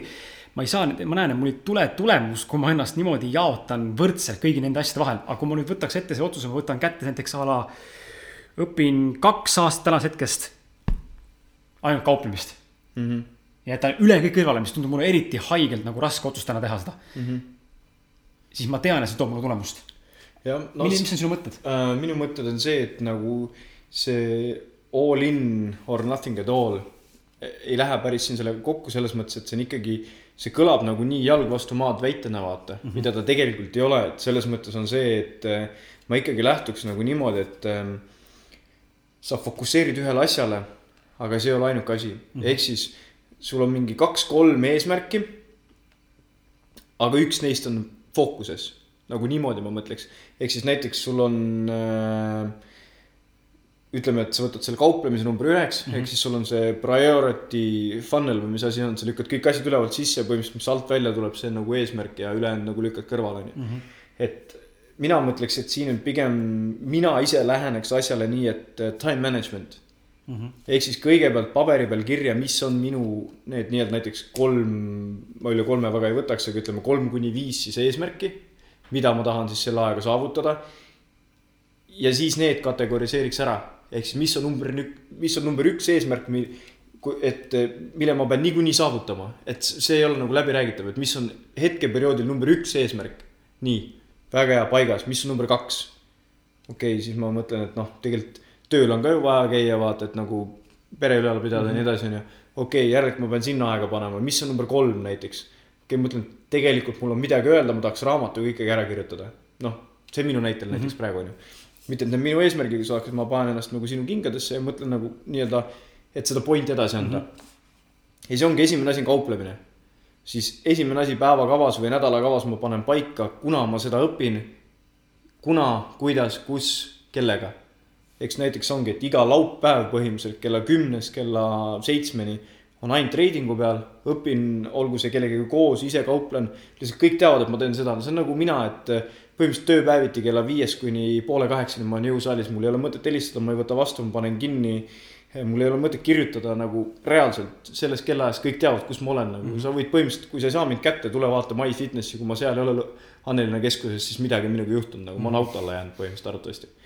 et ja siis sealt edasi järgmine number kaks äh, on see tööl käimine, järelikult kaheksast siis nii-öelda või üheksast viieni ma ikkagi pean tööl käima mm. -hmm samal ajal ma saan ju mingeid podcast'e kuulata, mis toetavad minu eesmärki number kolm. et eh, mina mõtleks selle peale all or nothing on see, et eh, see peab ikkagi mind nagu huvitama, et kui mind ei huvita, siis ma seda eesmärgiks ei pane, on ju, siis on mm -hmm. nagu mhm. nothing, on ju. et mina mõtleks pigem nii, et selle fookuse jagad sa ära nagu protsentuaalselt, mitte võrdselt, aga näiteks kuuskümmend, kakskümmend, kakskümmend viis ja viisteist näiteks mm. -hmm. et niimoodi ja siis manage'id seal ära, kus sa mida saad teha, on ju et noh, ilmselgelt tänapäeval, kui me mõtleme töö peale, siis see võtab päris suure aja ära, et ajaliselt ta võib olla kuuskümmend protsenti fookuses, aga mentaalses fookuses kõik see vaba aeg, et noh, tegelikult meil on ju kakskümmend neli tundi päevas on ju. mitte, et mina soovitaks une pealt varastada, absoluutselt mitte, aga ma arvan, et meil on piisavalt aega nagu teha neid asju, mitte et mina ise olen sihuke inimene, kes oma distsipliini nagu finantsvaldkonda ei ole suutnud üle tuua, vaata, sest ju siis mind ei ole huvitanud see piisavalt muidugi ma mõtlen, tore on mõelda niimoodi, et sa tahad ikkagi rohkem mm -hmm. raha teenida, aga järelikult tegelikult ei koti see sind nii piisavalt, vaata, või ei ole stiimulit piisavalt. aga jah, ma ise jaotaks pigem niimoodi, et te, kõigepealt mõtleks eesmärgid välja, mitte palju ja ära jaota ennast liiga hõredalt. kaks, kolm, neli tükki, siis valid neist number ühe välja, number kahe, number kolme ja siis jaotad nad niimoodi ära, et see number üks eesmärk saaks kõige rohkem tähelepanu. number kaks siis natukene ja number kolm ja, ja samas on alati huvitav leida ka mingid ühised jooned, mis asi nagu arendaks neid, neid kolme eesmärki nagu võib-olla ka üht, ühel ajal natukene mm. -hmm. näiteks võib-olla neid kolme eesmärki aitab edasi viia ka see, kui ma näiteks üldse mõtlen millegi muu peale. et teen oma une kvaliteeti paremaks, et magan näiteks kvaliteetselt kuus tundi, mitte sitta und kümme tundi, tegelikult ma võidan selle, selle nii-öelda meetodiga võidan endale päeva neli tundi juurde. samas mu kehale on see parem ja tegelikult ta annab ju kõigele kolmele eesmärgi juurde, juurde sellepärast, et ma võidan aega juurde, et endaga kauem aega tegeleda mm. -hmm. aga kas neid asju pigem sinu kogemuse mõttes ja soovituste põhiselt, kas need, neid jaota nagu alati päeva lõikes ühte, ühte samasse päeva, nui neljaks, nendele võiks iga päev saada tähelepanu järjepidevalt, consistently. või nädala, nädala lõikes ikkagi ühel päeval konkreetselt üks tegevus või seitsmest päevast neli päeva on kauplemine rohkem fookuses või kas seda ka pigem niimoodi nagu, kas mikro ja makro või mõlemad? Äh, hea küsimus, kurat, ma ei teagi. ma, mina käin väga palju harjumuste kaudu, vaata mm. -hmm. et nagu mul on harjumus, et ma hommikul läksin välja jalutama, see tähendas seda, et ma tulin teki alt välja ja kahe minutiga ma olin uksest väljas. et ma ei anna endale isegi võimalust tekitada seda mõtet, et ma ei lähe mm. -hmm. ehk siis mina nagu leiaks igale asjale sloti, kuhu ta sobib kõige paremini, vaata et näiteks ra raamatu lugemine, minul on üks väike eesmärk ja mul tegelikult kohustus, ma pean iga päev lugema kümme lehte raamatut. nüüd äh, ma enne rääkisin sulle ka, et näiteks kui ma hommikul loen pärast jalutuskäiku raamatut, mul on pea tühi, ma võtan selle raamatu väga hästi kätte, mul on mõnus lugeda. see annab ägeda vibe'i mulle, kõik jutud mm. -hmm. ja kui ma õhtul tulen koju ja mul on see hommikul tegemata, siis kui ma loen seda, siis ma lihtsalt, ma saan juba iseendast aru kuidas ma loen raamatut, aga samal ajal mõtlen mingeid kolmandaid-neljandaid mõtteid. sa ei ole, sa ei ole kohal. ma ei ole raamatus mm -hmm. nagu, ma ei ole kohal et eh, mina lähtuks pigem selle kaudu, et kuna on sul mida kõige optimaalsem ja efektiivsem teha. et kuna sul on kõige paremini meeldib raamatut kirjutada. et eh, on see mingi keskkond või mingi kellaaeg trenni tegemisega samamoodi, et mõni saab ainult hommikul teha, okei okay,, sa pead hommikul tegema, aga mulle, ma ei salli hommikul trenni tegemist nagu reaalselt. mul ei ole jõudu, mul ei ole keha harjunud sellega nagu minu jaoks on täiesti mõttetu võimlemine noh mm -hmm.. et see ongi lihtsalt võimlemine, mitte et võimlemine halb oleks, aga minu eesmärk ei ole trennis võimelda, minu eesmärk on areneda. muidugi, kui mul ei oleks muud optsiooni, ma käiks hommikul trennis, kardiot ma teengi, see on täiesti relax, see ongi võimlemine, see on minu eesmärk seal. aga jõutrenn on kindlasti, kas siis nii-öelda kuskil lõuna ajal või pärast tööd mm. -hmm. et nädalavahetusel on perfektne, ma ärkan ülesse söön värki-särki mingi kaheteist aja trenni, lihtsalt kõik mu terve laupäev ja pühapäev on ümber trenni üles ehitatud, sest see on minu fookus sel päeval. aga ma pigem mõtleks niimoodi, et kuna mul, mis on, tuleb kõige paremini välja. et näiteks ongi, et see trading, et võib-olla trading sõltub ka sellest, et kuna, mis turud avatud, kus on, on ju, aga täna on vist internet väga see ei loe. raamatu kirjutamine jälle, kuna sa, kuna sul mõte kõige elavam on, vaata. et ma, ma ei usu sellesse väga, et mul see time management ei ole nüüd nii hea, on ju aga ma arvan, et mingi power list näiteks, et ongi et see, et äh, hommikul ärkad ülesse ja kirjutad näiteks mingi viis asja üle, üles, mis sa pead täna kõik ära tegema. isegi kui sa näitad esimese tunni ajaga täna ära, siis sul on päev võidetud.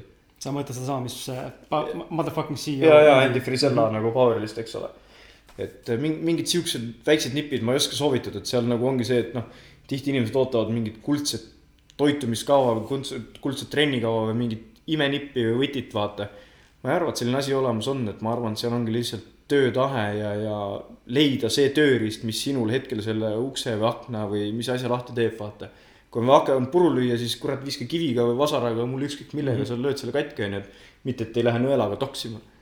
et eh, peaasi, et sa saad selle eesmärgi täidetud, noh muidugi ilma niimoodi, et sa kellegi teisel viga ja. teeks või midagi, aga noh, sa saad mu pointist aru, et, et eh, tuleb lihtsalt leida midagi, mis sinule sobib kõige paremini ja, ja isegi kui see kohe ei sobi, siis sa vähemalt välistad ühe variandi, kuidas sulle ei sobinud. see ei ole failure, see on õppetund huvitav tuleb välja sinu poolt see, et kaks asja, mis mul jälle pähe kargas, et äh, mul on tegelikult sitast küsimusi siin, nagu sa näed, ma kogu aeg küsin jooksvalt. sest et küsimusteni mõnikord me ei jõuagi, sest et noh, täna sinuga näen, et ma räägin, meil tuleb siin, ma juba tunnen, siin tuleb, siin tuleb siin nagu ma ütlesin saate alguses äh, ja kui sa seda, ilmselt seda faili näed ka, siis see fail on tavapäraselt pikem veidi. et ähm, siin on sitaks väärtust, mida sa tegelikult pakud praegu enda jutuga ja, ja ma resoneerun tugevalt ja ma tean, et äh, väga paljud meie kuulajad on väga sarnase mindset'i nagu sina, mina täna oleme need on kas teel või juba, juba arenenud, et meil on see ausad mehed kommuun on, on sellise suunitlusega kuidagi nagu läinud, et nagu. ja äge on see, et vaata meie nagu või noh, sina ja mina ja, ja ma arvan, Martin ka. vaata, paljud, kes podcast'e teevad, nad ei arva nii, aga me teame, et nad on juba kuskile jõudnud, vaata mm. -hmm. Nad on mingid ettevõtluse tipud või, või ja, ja. mingid kurud, on ju. aga point on see, et siin ausad mehed podcast'is mina nagu, mulle meeldib see aspekt, et no see kõlab nii cheesy'lt, on ju, et aga me areneme koos mm. -hmm. et tegelikult me ei ole kuskilt pjedestaali, ma olen täiesti tavaline nats, ma olen maapoiss. mul on vahepeal sokis auk, vaata. Äh, mul on vahepeal, ma ei tea, mis küünalune must on ju, mis iganes, kõik nagu täiesti tavaline inimene, on ju.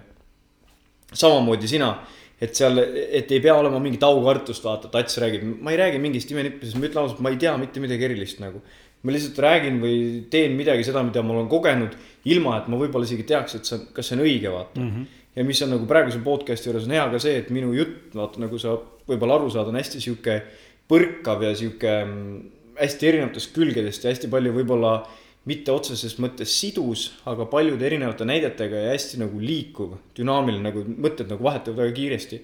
aga Krisi nagu see huvitav omadus ongi see, et sa oskad nagu võtta mingid killud kinni ja need kokku tuua mm -hmm. ja pointi nagu üle anda. ühendada neid. ja, ja, ja. et äh, minu see, minu see mõte nagu sind kuulates oligi, et kaks tükki oli, esimene see, et sa mainisid ära, et sa ärkad hommikul üles ja kahe minutiga oled sa väljas.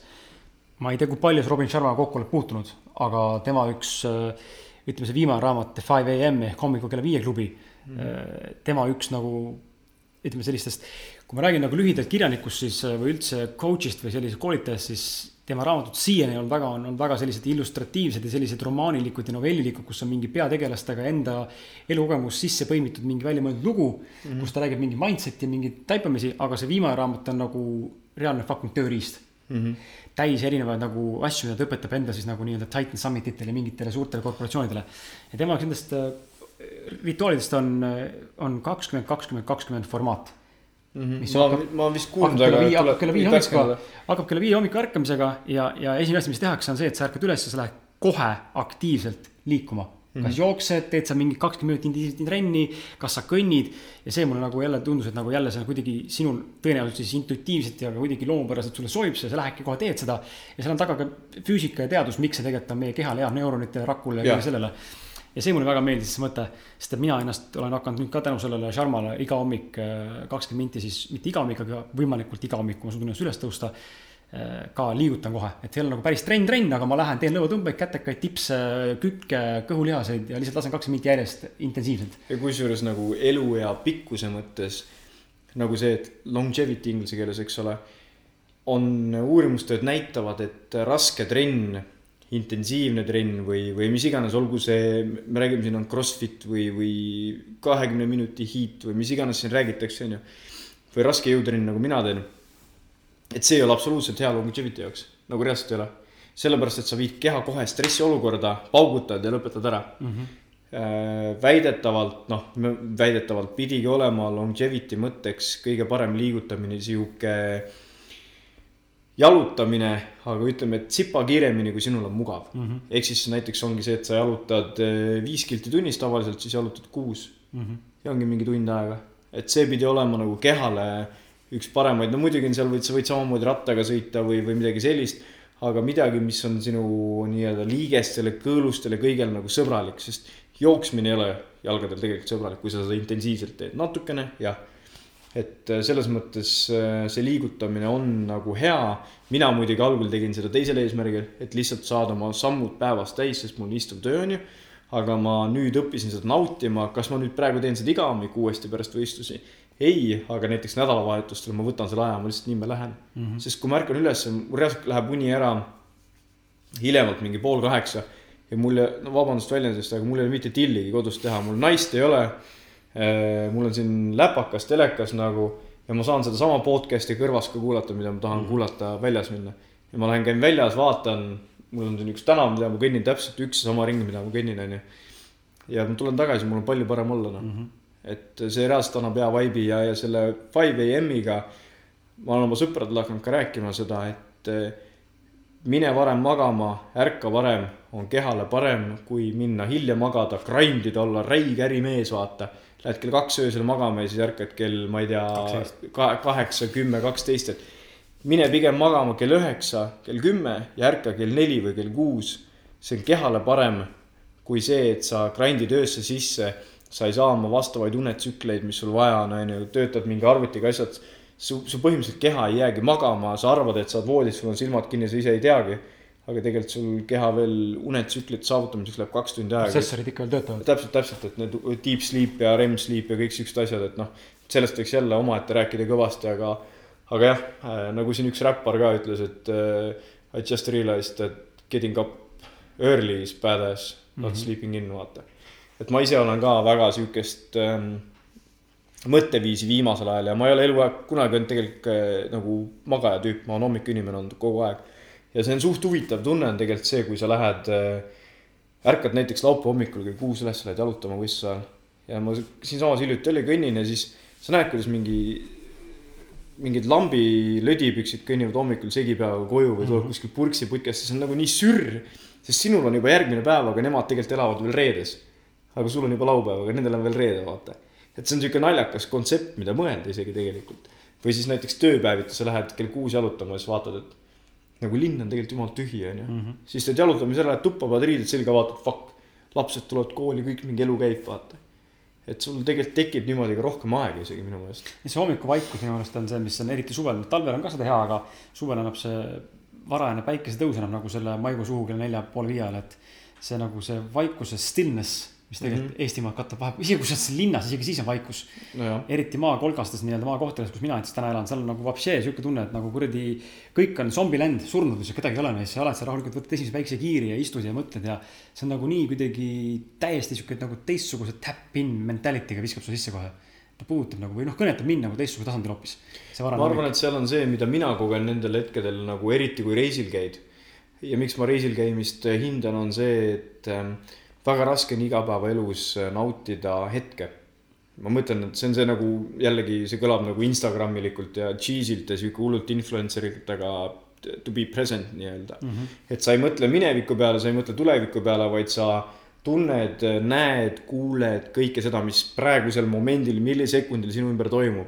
et ma näen, kuidas Kris noogutab praegu kaasa või ekraanil seal äh, videosalvestuses jooksevad mingid sekundid, on ju. kuidas mu enda hääl kõlab siin äh, võib-olla kuidas need kardinad, mis ma tõmbasin ette, noh, blokivad siin nii-öelda valgust, on ju. et ähm, just selle hetke nautimine, mida mina kõige rohkem tajun tavaliselt, kui ma reisil käin, et ma, ongi see, et ma kõigile ütlen, et ma tööd ei tee, ma trenni ei tee, vaid ma olengi näiteks noh, talvel ma lähen Alpidesse jälle, mis mulle meeletult meeldib, sest minu jaoks nagu mäed on midagi nii majesteetlikku, et see on nagu sürr. sa istud kuskil mäe otsas, kahe tuhande meetri kõrgusel mingi hüti kõrval jood seal, olgu see, noh, ma ütlen ausalt, mina võtan selle arvatavasti jäägertee, on ju, olgu see kasvõi hommikul kell kümme, mul on ükskõik, ma lähen puhkusele, ma naudin ennast. ja siis istud seal üksi kahe tuhande meetri kõrgusel, kus ei ole mitte ühtegi teist venda selles kohvikus. see ei ole isegi kohvik, see on lihtsalt mingi hütt kuskil laskumise kõrval, on ju. Mhm. sa võtad selle jäägertee, sa istud seal, sa näed mäetippe, lumiseid, mitte kedagi ei ole, lihtsalt kuuled ja siis võib-olla kuskilt tuleb mingi suusataja, kust tal suusk lõikab seda ja libistab mööda seda lund, vaata. see lihtsalt on nagu nii mõnus ja, aga samas need mäed jälle tekitavad sinus nii väikse tunde, sest sa oled ainult inimene, on ju. et siuksed hetked, et sa, need on tegelikult päris ägedad hetked ära, kui sa tunned, et ahah, ma olen nüüd praegu hetkes, vaata. et ma ei mõtle, mis eile oli, ma ei mõtle selle peale, mis tuli või mis ma tegema pean. vaid ma lihtsalt naudin kõike seda, mis minu ümber praegu on. ja just naudin, mitte ainult, ainult, ainult teadvust, aga noh, need on ka siuksed asjad, mida peab nagu käsikäes tegelikult natuke tegema täiega resoneerun, praegu, kui sa kirjeldad seda, siis ma tegelikult praegu tunnen, et see saates, kell on tegelikult äh, poolteist tundi juba tegelikult vestelnud siin ja, ja ma ei tunne, et see oleks olnud poolteist tundi. aa, jaa, absoluutselt. tegelikult juba sellest hetkest, kui ma su peale võtsin, ma võtsin Krisi peale kümme viiskümmend ja kell on praegu neliteist kolmkümmend. et see aeg on nagu nii kiiresti läinud, vaata, aga samas ei tule sellist tunnet, et see aeg oleks raisku läinud või midagi sellist, vaid ta on lihtsalt kiiresti läinud, onju. et see on sihuke huvitav ja, ja tegelikult isegi korra, kui ma kirjeldasin seda mäe asja, siis mul tuli isegi see tunne veits sisse nagu, nagu seal mäel ma istusin. Istusin ka niimoodi veits nagu jalad üleval, niimoodi suusasaapad lahti tehtud, onju. nagu see viis mind veits sinna tagasi, et see on sihuke Mhm. äge, et tegelikult sa suudad endas sellest nagu state'i või staatuse tekitada ka ainult siis, kui sa need kõvasti välja räägid Ja, ja ja. visualiseerid, onju. ja teine point, mis ma tahtsin tegelikult öelda siin enne seda, oli ka see, et äh, mis sinu puhul, sinu saatega täna või sinu jutuga pra- juba praegu kinnistab mulle ja, ja ma usun, et ka sulle, armas kuulaja, kui sa oled meie järjepidev kuulaja ja, ja iganädalane kuulaja, siis need teemad, millest Ats tegelikult räägib äh, ja üldse külalised räägivad läbi enda näidete ja enda eluliste valdkondade, siis tegelikult need, ma näen seda, et kui ma võtan kokku, ma tahangi teha mingi aeg aastalõpu saate, kus ma võtan kokku kõik meie külalised ja nende nagu mingid siuksed taipamised, tugevad mm -hmm. laused ja ma näen juba praegu, et siin tuleb välja sihuke kakskümmend, kakskümmend viis erinevat siukest nagu väärtust või mingit omadust või mingit siukest mindset'i, mingit talustala, millele kõik saatekülalised on tuginenud mm.. kõik räägivad sellest alati, mitte kõik, mitte igas saates võib-olla, aga Aga seal on läbiv joon läbi joon, ma saaks tõmmata siukse nagu näha, et siin on valem. Fucking jälgi seda. ja, ja see on mu kolmanda, kolmanda raamatu tegelikult kontseptsioon on see, mida ma tegelikult üritan teha selle saadete pealt ka lõpuks. aga, aga ongi huvitav see sinu puhul, et, et seesama, kui sa rääkisid nagu sellest järjepidevusest ja, ja sellest, sellest tegutsemisest ja sellest, tuleb olla valmis teha ja, ja kui sul on see eesmärk, siis tuleb seda saavutada ja kõik see kuidagi näitab jälle, et tegelikult ei ole vaja leiutada mingit kuradi jalgratast või mingeid asju, lihtsalt noh, lihtsalt kuradi tee seda, mis sa oled endale vastu võtnud ja ole lihtsalt järjepidev, ole Jah. kannatlik, pane sisse see töö, anna endast maksimaalne, nii palju, sa ei pea ennast nagu veriseks kütma, onju, või oks-, oksendama seal kuskil mingi raskuse all või kus iganes, mis iganes eluvaldkond sul on. aga nagu ole valmis tegema tööd ja, ja varem või hiljem need tulemused tulevad, kui sa tegelikult tahad. et seda on nagu lahe kuulata. seal on, seal on jah need nagu asjad on siuksed, et esiteks kindlasti eesmärkidega mina kasutan nagu seda backwards planning ut, et sa paned oma eesmärgi paika ja siis teed selle tükkideks ja põhimõtteliselt arvutad välja, mida sa pead ainult tegema iga päev, et selle suure eesmärgini jõuda. sest muidu, kui vaatad aasta kauguselt, näiteks ma tahan kakskümmend kilo alla võtta, siis see on nagu nii suur ja nii hoomamatu, vaata. aga kui sa lam-, lammutad selle maha ja mõtled, et aa, ma pean võib-olla iga kuu mingi poolteist kilo alla võtma siis on juba nagu Jah. kasutavam. ja siis on juba, et nädalas kolmsada grammi või mis iganes see matemaatika tuleb, et see on nagu palju reaalsem ja siis sa mõtled, mis iga päev tegema pead selle jaoks. ja siis lihtsalt teed ära ja siis sa usaldad plaani, sest see plaan on paika pandud ju. Mhm. see töötab ju, lihtsalt sul on vaja nüüd töö ära teha. et aga inim- ja üks asi veel, mis ma olen eriti võistlejate puhul näinud siin või kes tahavad võistelda inimesed selle eesmärkidega, on see, et nad tulistavad endale ise jalga mm -hmm. nende eesmärkidega. point on selles, et nad panevad endale eesmärgi, aga nad panevad selle küsimärgiga. selles mõttes, et ma lähen võistlema siis, kui ma saan piisavalt vormi. see tähendab seda, et eh, sa juba eos tulistad endale jalga, sa ei anna sada protsenti, ma ei räägi seda, et sa pead veri ninast väljas panema seda. aga point on selles, et sa ei saa minna iga päev jõusaali niimoodi, et okei okay,, et ma teen täna trenni, aga kui nagu mõtle seda, et su, su aju on niivõrd tark, et sa ei suuda enda keha lollitada.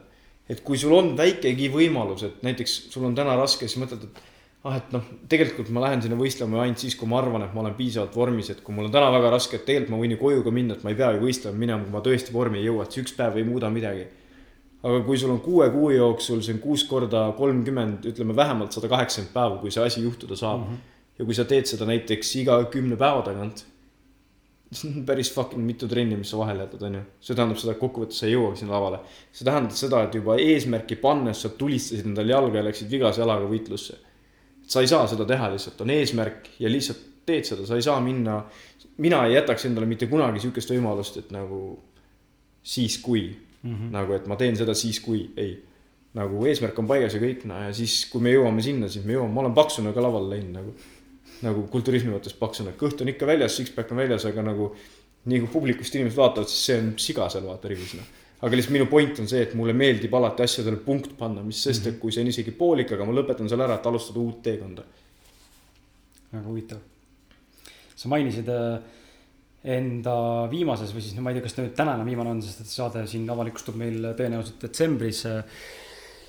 detsembri, täna detsembri keskpaik, ma arvan, kus, kui saade, see saade välja tuleb, et äh, aga sa enda viimases selles äh, Youtube'i siis videos, mis sa tegid pealkirjaga, kulturism leidis mind vist oli see õige nimetus, kui ma ei eksi, pealkirjaga. seal sa mainisid väga huvitavalt seda, et äh, miks sa üldse tegelikult alustasid jõusaaliga ja täna, täna ka põgusalt mainisid, aga ma läheks võib-olla korra puudutaks seda teemat just selle nurga alt, et see on ka minu enda eh, ja ma usun, et ka väga paljude kuulajate võib-olla just meesterahvaste võib-olla mingisugune tuumuskumus. ja, ja kindlasti ka naiste puhul, aga ma usun, et see kandub ka, see paradigma kandub ka üle, ma arvan, väga paljudesse teistesse eluvaldkondadesse. et ma olen siis omadega mäel, kui ma saavutan X asja, kui ma jõuan X kohta. et äh, mina täna tunnen, et äh, miski minus tahab mulle öelda, et kui ma saavutan mingi vormi, a la kui ma oleks sinu keha vorm täna mm, -hmm. siis ma oleks õnnelik. tegelikult, tegelikult ma tean, et ma ei oleks. ma ei oleks ikka rahul, ikkagi oleks minus see ebakindlus ja mingisugune alaväärsuskompleks, mis mul on tulnud kaasa lapsepõlvest, sest mind on mõnitatud terve elu.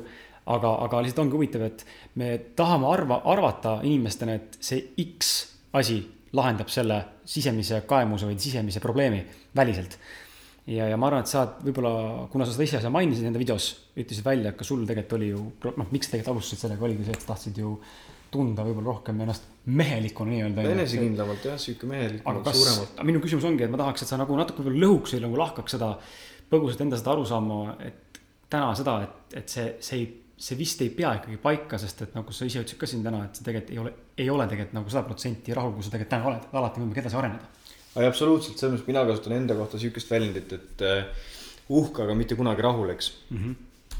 et uh, ma mõtlen seda, et uh, minu mi,, mi, minule, mida see jõusaal andnud on, on tegelikult see, et algul ma mõtlesin, ma olen sinna, et ma saan suuremaks, on ju. teen mingi rinna, treenin mingi rinnalihase, kõhu, on ju, mis iganes.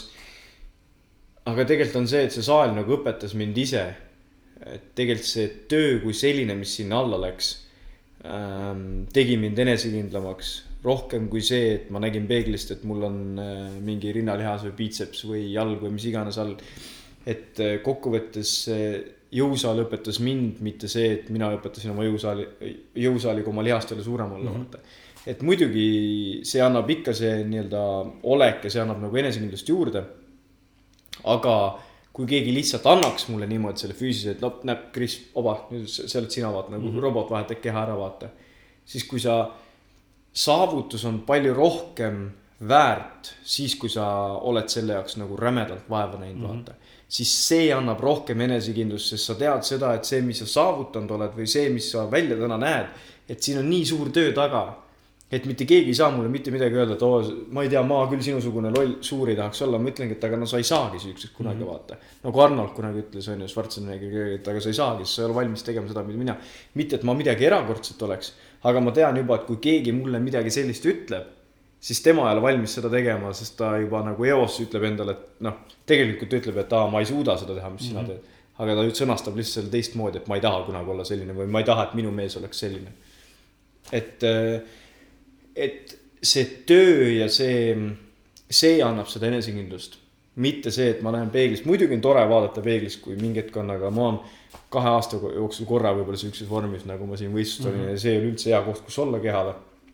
aga, aga ma ei oska seda sõnadesse panna, aga pigem see vaev ja töö, mis seal taga on, annab enesekindluse, mitte see visuaalne pool, ehk siis jällegi kardinate taga see koogi küpsetamine see teadmine, see, kuidas seda teha, annab enesekindluse ja siukse mehelikkuse tunde, kui see, et eh, milline sa reaalselt välja näed või see visuaalne produkt või see, mida teised ainult näevad mm. -hmm. et ma ütleks pigem niimoodi. et jah ähm,. korra vaatan seda, ma juba natuke sa tegelikult mainisid seda, aga mm,. aga ma tahaks ikkagi sinuga puudutada korra seda ka toitumise teemat ka veel ja natuke mm -hmm. võib-olla siin tulevad küsimused, ma näen ka natuke rohkem trenni kohta ka, et meil tegelikult äh, polegi saates käinud ühtegi inimest sellist, kes, tegelikult üks on vist ka, kes on ka treener, aga ta oli rohkem selline, mitte küll nagu päris sinu, sinu valdkonna inimene täna. et äh, ma ise olen hästi see inimene, kes on hästi tervise eest seisev ja, ja võib-olla, võib-olla mis äh, väliselt jälle inimestele tundub, on see, et äh, ma tean, et mainstream ikkagi arvamus on see, et kui inimene näeb välja nagu näiteks sina, kes on lihastes mm, -hmm. siis öeldakse kohe, et sa oled tõenäoliselt tervislik ja kui inimene on pigem peenikene, näiteks oletame, või on paks mm, -hmm. siis üldjuhul võib-olla arvatakse, et näed, et ta on ebatervislik, sest ta on paks ja võib-olla ta on alatoitunud, sest ta on peenikene. see mm -hmm. kuidagi on mingi seos inimeste alateadlik. ja aga ma olen väga suur tervise eest seisja ja ma näen seda, kuidas väga palju raha läheb tegelikult minul kuu jooksul toidule nagu sitaks. see, ma arvan, et see on mu üks suurimaid kulutusi üldse, mis ma teen, olgu need mul supertoidud või mingid pähklid või mingisugused, no mis iganes seal selle tavatoidu ümber veel tuleb, igast lisaasju mainimata mingid, mingid äh, nii-öelda nagu siis äh, toidulisandid või mingeid vitamiine, et nagu nii palju asju läheb, kuhu see raha tegelikult läheb, et olla nagu enda jaoks tervislikkuse juures, mida ma tegelikult jahin. ja ma ei ole ka täna veel kohal mm. -hmm. aga, aga võib-olla räägi sina selle punkti pealt, et miks sa võib-olla, kas sa üldse saad seda toetada ja kui sa saad seda mõtet toetada, siis miks on sinu meelest oluline äh, või võiks olla oluline tervisele panustada ka rahaliselt Äh, ma alustaks põhimõtteliselt seda punkti nagu tagantpoolt, põhimõtteliselt ütleks mm -hmm. vastuse ennem ära vaata, aga läbi sümbolite ja mm -hmm. ma ütlesin sulle seda ka. kui sa ostad endale salongist tutika Ferrari, see on siis sümbol sinu kehale, vaata mm. -hmm. sinu keha on sinu Ferrari. siis äh, kas sa tangiksid sinna nädalast nädalasse odavat Vene kütust ja, ja õlivahetuse asemel ei teeks õlivahetust ja, või teeks õlivahetuse ja ei vahetaks õlifiltrid ära, et võib-olla noh, mõnele see näide ei too, aga kui sinu keha on Ferrari, siis miks sa tangid sinna sitta, on minu küsimus. et eh, muidugi ma ei räägi seda, et minul nagu kõik on idüll, on ju. Mhm. minul on oma mürgid, eh, mulle meeldib vahepeal veini juua, mulle meeldib õlut juua, vahepeal võtan pitsist viina ja sülitan pits, pitsi, ei ole kunagi teinud, vaata. et eh, ma ei hakka valetama, ma lihtsalt olen nii nagu olen, on ju. aga ma jälgin vähemalt kaheksakümmend, kakskümmend printsiipi. et kaheksakümmend protsenti ajast ma ikkagi üritan toituda täisväärtuslikult see summa, mis mul toidul läheb, on meeletu, sest ma ei hoia sealt kokku. minu jaoks nagu lihtsalt see on üks asi, kus ma lähen toidupoodi, siis ma ostan seda süüa, mida ma tahan, vaata mm. -hmm. kui ma tahan osta kala, siis ma ei pea ootama seda, kuni ta hakkab Rimis halvaks minema ja nad tõstavad sinna kaheksateist euri asemel hinnasildi asemel kaheksa eurise mm. -hmm. nagu mul ei ole vaja seda oodata. ma ostan selle kala ära ja kõik noh. või, või pähklid või mis iganes, et eh, ma lihtsalt ei saa sellest aru, vaata aga samas ongi see, et inimesed ei saagi sellest seni aru, kui nad ei ole proovinud midagi, mis tõstaks nende elustandardit, sest nende jaoks tundub see täiesti normaalne ja täiesti hea, kus nende standard praegu on, on ju. et äh, see on nagu noh, seda on raske seletada, see on umbes nii nagu mõni inimene kolib korterist majja, vaata. ja mõtleb, et vau, et maja on äge. elab seal kaks aastat ära. siis ta sõber küsib ta käest, et kuidas majas elada on, ma ei tea, et noh kodu nagu kodu ikka, vaata maja on ju mm. -hmm. aga pane ta nüüd tagasi kahetoalisse korterisse elama. oi, kus hakkab rääkima, tead, omal ajal majas oli ikka nii hea, ruumi oli rohkem mm -hmm. ei pidanud naabritega arvestama. vaat see ongi see, et sul tekib mingi standard, mis sinu jaoks muutub normiks ja sa ei oskagi enam hinnata seda, mida, kuidas oleks olla parem või halvem, vaata. samamoodi on toitumisega, et kui sa kogu aeg sööd mäkki, siis sinu keha, sa sinu jaoks ongi see normaalne, et sa tunned ennast, ennast enda kehas nii-öelda jutumärkides normaalselt, sest see ongi täiesti, see on see, mida sa iga päev tunned aga kui sa nüüd hakkad jooma piisavalt vett, natuke jälgima, et sul tule, sa, sa toitud nagu näiteks piisavalt valku äh,, piisavalt süsivesikuid, piisavalt ju, juurvilju, piisavalt häid rasvasid, on ju. võib-olla natukene aitad ka kaasa liikumisega, palju ei ole vaja, lihtsalt nagu liigud, mitte ei perseta, on ju. -hmm ja siis hakkad oma enesehinnet tundma ja näiteks üks päev, ütleme, et sul on nii kiire päev, et sa ei jõua vett juua. sa tunned, sul hakkab pea valutama, trennis on raske olla, siis mõtled tagasi, ahah, aa, mis ma tegin muud moodi, täna ma jõin ainult mingi, jõudsin viieteist tunni päeva jooksul ainult ühe liitri vett juua ja tassi kohvi. sa, sa tunned kohe ära selle vahe, on ju. Mhm. aga kui su standardid ongi madalad, siis noh, seal ei olegi midagi muud oodata, et see ongi sihuke enda standardite loomine, vaata. et ma olen oma sõpradele ka üritanud nagu seda aidata ja nad on nagu selles mõttes ise ka nagu tublid ja, ja mitte, et ma räägiks, et ma mingi guru olen, on ju.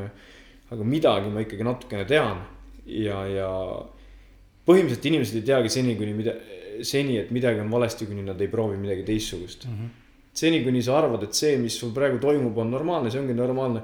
kui naine arvab, et see on normaalne, et ta mees iga päev talle peksa annab kodus, siis noh, vabandust, see, see nagu ei ole hea näide ja ma olen ise selliste asjadega nagu lähedalt kokku puutunud, mitte et ma oleks ise oma naist peksnud. aga noh, ma ei hakka sinna sügavale teemasse minema, on ju. aga siis tema jaoks on see standard vaata ja see on väga kurb, et see niimoodi on ja ma loodan, et nagu keegi ei võta seda nagu halvasti, sest noh, arvatakse, see on ainult näide, on ju. ja, ja mitte, et nad ei tahaks võib-olla seda, noh, see on põhimõtteliselt wormhole, ma ei hakka sinna sisse minema.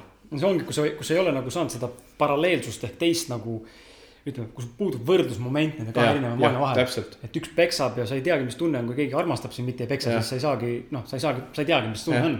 jah, täpselt, et see on, see ongi see, et lihtsalt tuleb enn-, ennast tõsta sealt kastist ja mugavustsoonist välja, kogemaks midagi muud mingi ajaperioodi, et aru saada, kas, kas see on parem või halvem, vaata. ja see ongi see, nagu ma enne rääkisin ka sinuga, et lihtsalt ole kogu aeg liikumises, proovi -hmm. erinevaid asju.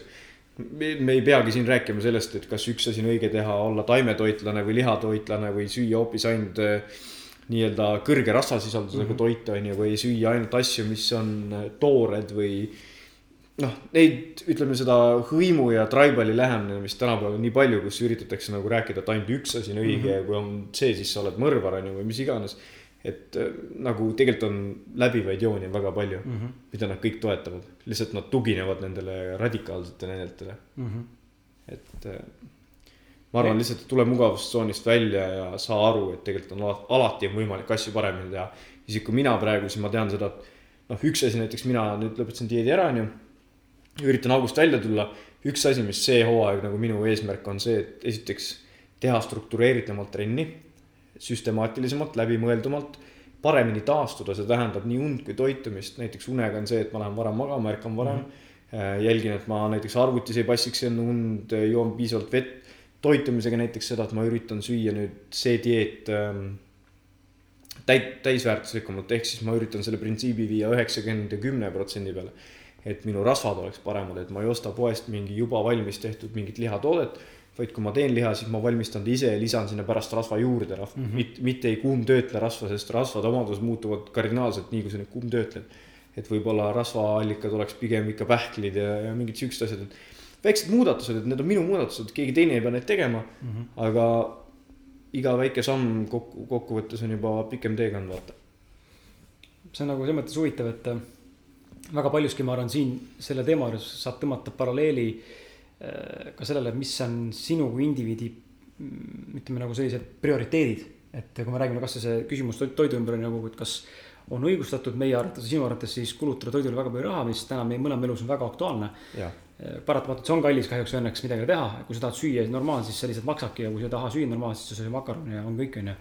aga, aga siis su keha on ka sitt, sitta täis, eks ole, ja üldse, üldse perses onju, aga aga huvitav ongi see, et see prioriteet ja ma arvan, mida inimesed ei mõista üldse mitte ainult toidu mõttes, vaid üldse nagu läbi erinevate valdkondade nende elus on see, et mida sa tegelikult siis elus prioriteediks nagu pead, on ju, et ma võin eksida, aga ma täna näen, et kui ma tahaks mm, veel paremini toituda võib-olla või midagi enda juures nagu enesearengusse, ütleme siis puhtalt rahalise finantsi poolest, mida on täna X iga kuu limiteeritud kogus mulle on antud, mhm. on ju. ja ilmselt ka teile, igalühel vastavalt oma suurusele, palju sa teenid, aga see on X kogus sul siis küsimus on see, kuhu see nagu see raha läheb, on ju, ma tean, paljud ütlevad ka, et mul, mul ei ole raha, et vast luban endale mingit sihukest asja ja ma ei saa teha ja. aga, kuhu see raha siis nagu läheb? et kui sa ei pane seda toidule, järelikult see, see, see summa või see raha, mida saaks toidule panna, see tegelikult läheb kuskile mujale, kas ta on väljas käimised, kas ta on sul mm. eba, noh, täna hommikul rääkisime sellest ka, et kas ostad kuradi iga kuu viis või kaks särki HM-ist ja ostad mm. aastas ühe korraliku särgi, mis kestab sul kümme aastat onju. et igal juhul on ilmselt odavam osta üks särk aastate peale, kui osta iga kuu kaks sitta onju, mis lõpuks ära lagunevad et nagu kuhu see raha tegelikult läheb, mis on sinu prioriteet? teine asi on see, et rahal on üks suurepärane omadus. teda on alati võimalik juurde saada mm, -hmm. mida ajal näiteks ei ole, vaata. et eh, kui sul ei ole millegi jaoks raha, sa väga, väga tahad teha, siis sa leiad kaks varianti, kas kuskilt raha juurde teha või teisest kohast ära lõigata, et see raha tõsta sealt siia eesmärgi peale, vaata. et eh, mina ka nagu ma ütlen ausalt, ma elan üksi üürikorteris. minu, mõni küsib, et miks sa korterit tõsta, ma ütlesin, et aga, et ma ei tea, kus, kuhu mu elu muid, miks ma, miks, miks ma pean mingi ühiskonna malli järgi käituma, endale korteri ostma. nagu for fuck's sake, nagu miks, muidugi see oleks hea investeering, sest ma ei maksa kellelegi teisele. aga ma ei tea praegu, millist korterit tahan, võib-olla ma tahan seda kogemust jagada oma tulevase elukaaslasega, kui ma kunagi ta leian. et järsku ühiselt kodu valida mm, -hmm. mitte et endale osta, vaata. kõik siuksed väiksed asjad. et ma tahan siin korteri alla põhimõtteliselt, ütleme nii, et mul läheb toidu alla sama palju kui üüri alla Tartus.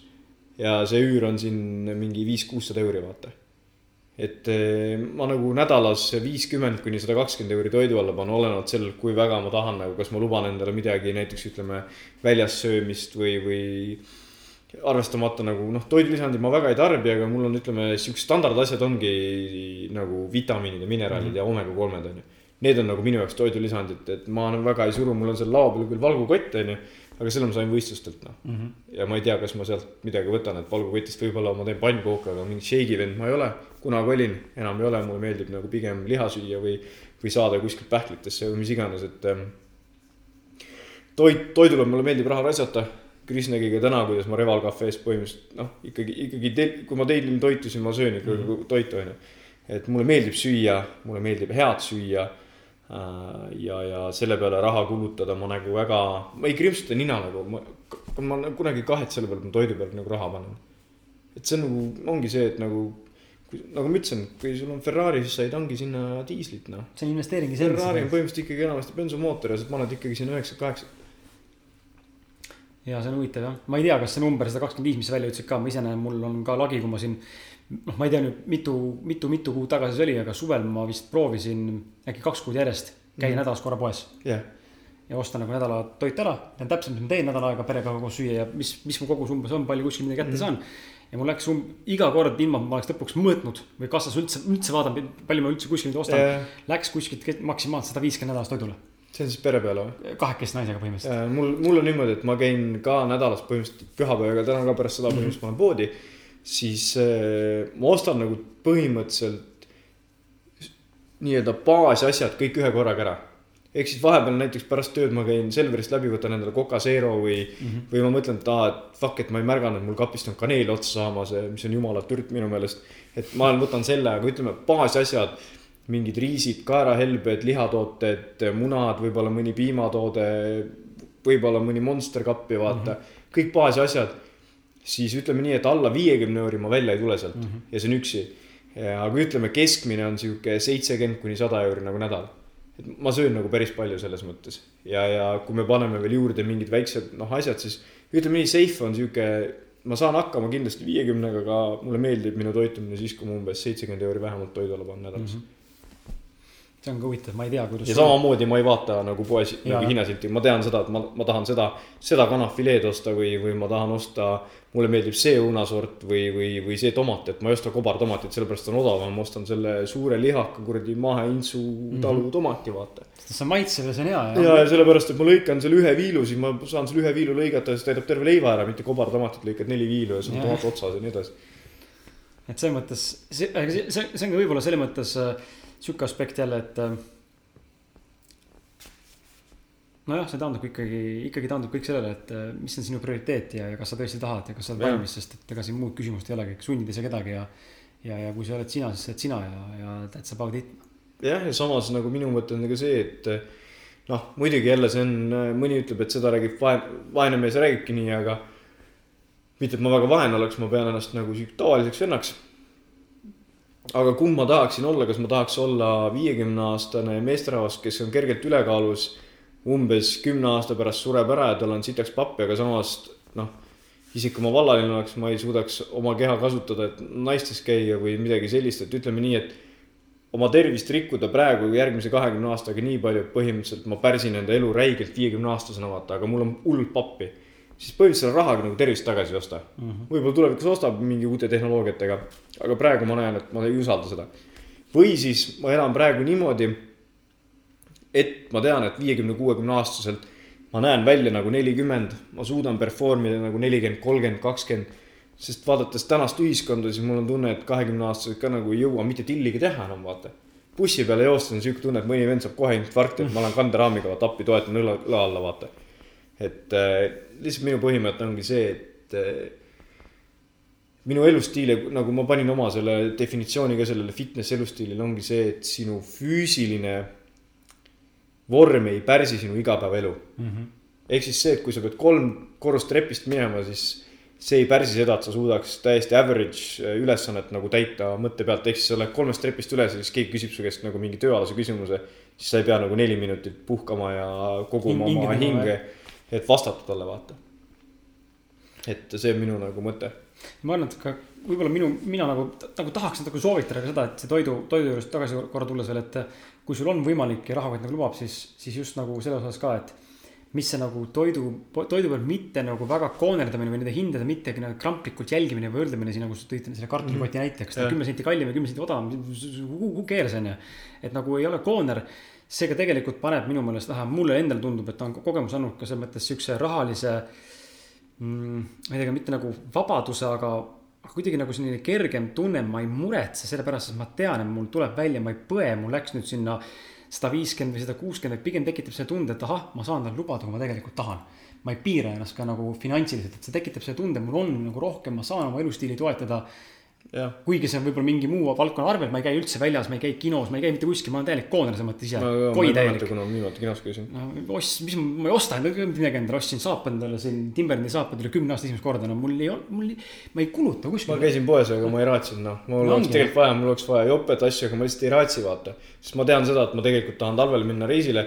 mõtlen, kas ma raiskan selle seitsekümmend euri ja selle mantli eest sada euri, ehk siis kokku sada seitsekümmend seal või siin, siis ma saan selle vana jopega väga hästi ma hakkama. pigem reisin selle raha eest. täpselt, et eh, ja teine asi on ka see, et eh, vaata, palju sa energiat võidad selle pealt, et sa ei stressa, kas sa raiskad sellele kanakilole või, või porgandikilole või mis iganes euri rohkem või euri vähem. mõtle, palju sa lihtsalt, sa lihtsalt kõnnid edasi. Who cares nagu, euro siin, euro seal.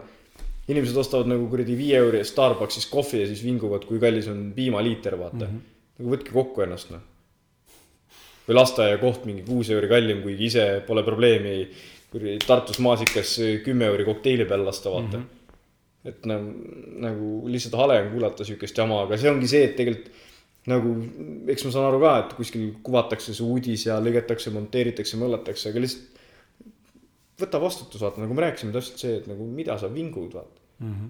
sinu enda asi on, mida sina oma kehasse paned. Ja kui sul, kui sul on täiesti normaalne, sa ei tahagi mitte midagi enamat, siis söögi seda sirkapraadi ja, ja ongi normaalne noh. ja kõik on täiesti okei okay ja, ja see on sinu enda valik ja keegi ei tee sind maha selles mõttes. väga õige. jube palju tegelikult on täna, ma ei tea, kui sa kuulaja, ma arvan, et sa oled piisavalt äh, intelligentne ja sa oled seda tegelikult tänase vestluse käigus taibanud või, või kuidagi nagu tajunud. siis mina näen, et Ats, sul on meeletu, meeletu mingisugune selline, midagi välja kujunenud või, või sa oled selle kasvatanud endale sihikindluse. just nagu eesmärkide saavutamises ja oma teekonna käimises.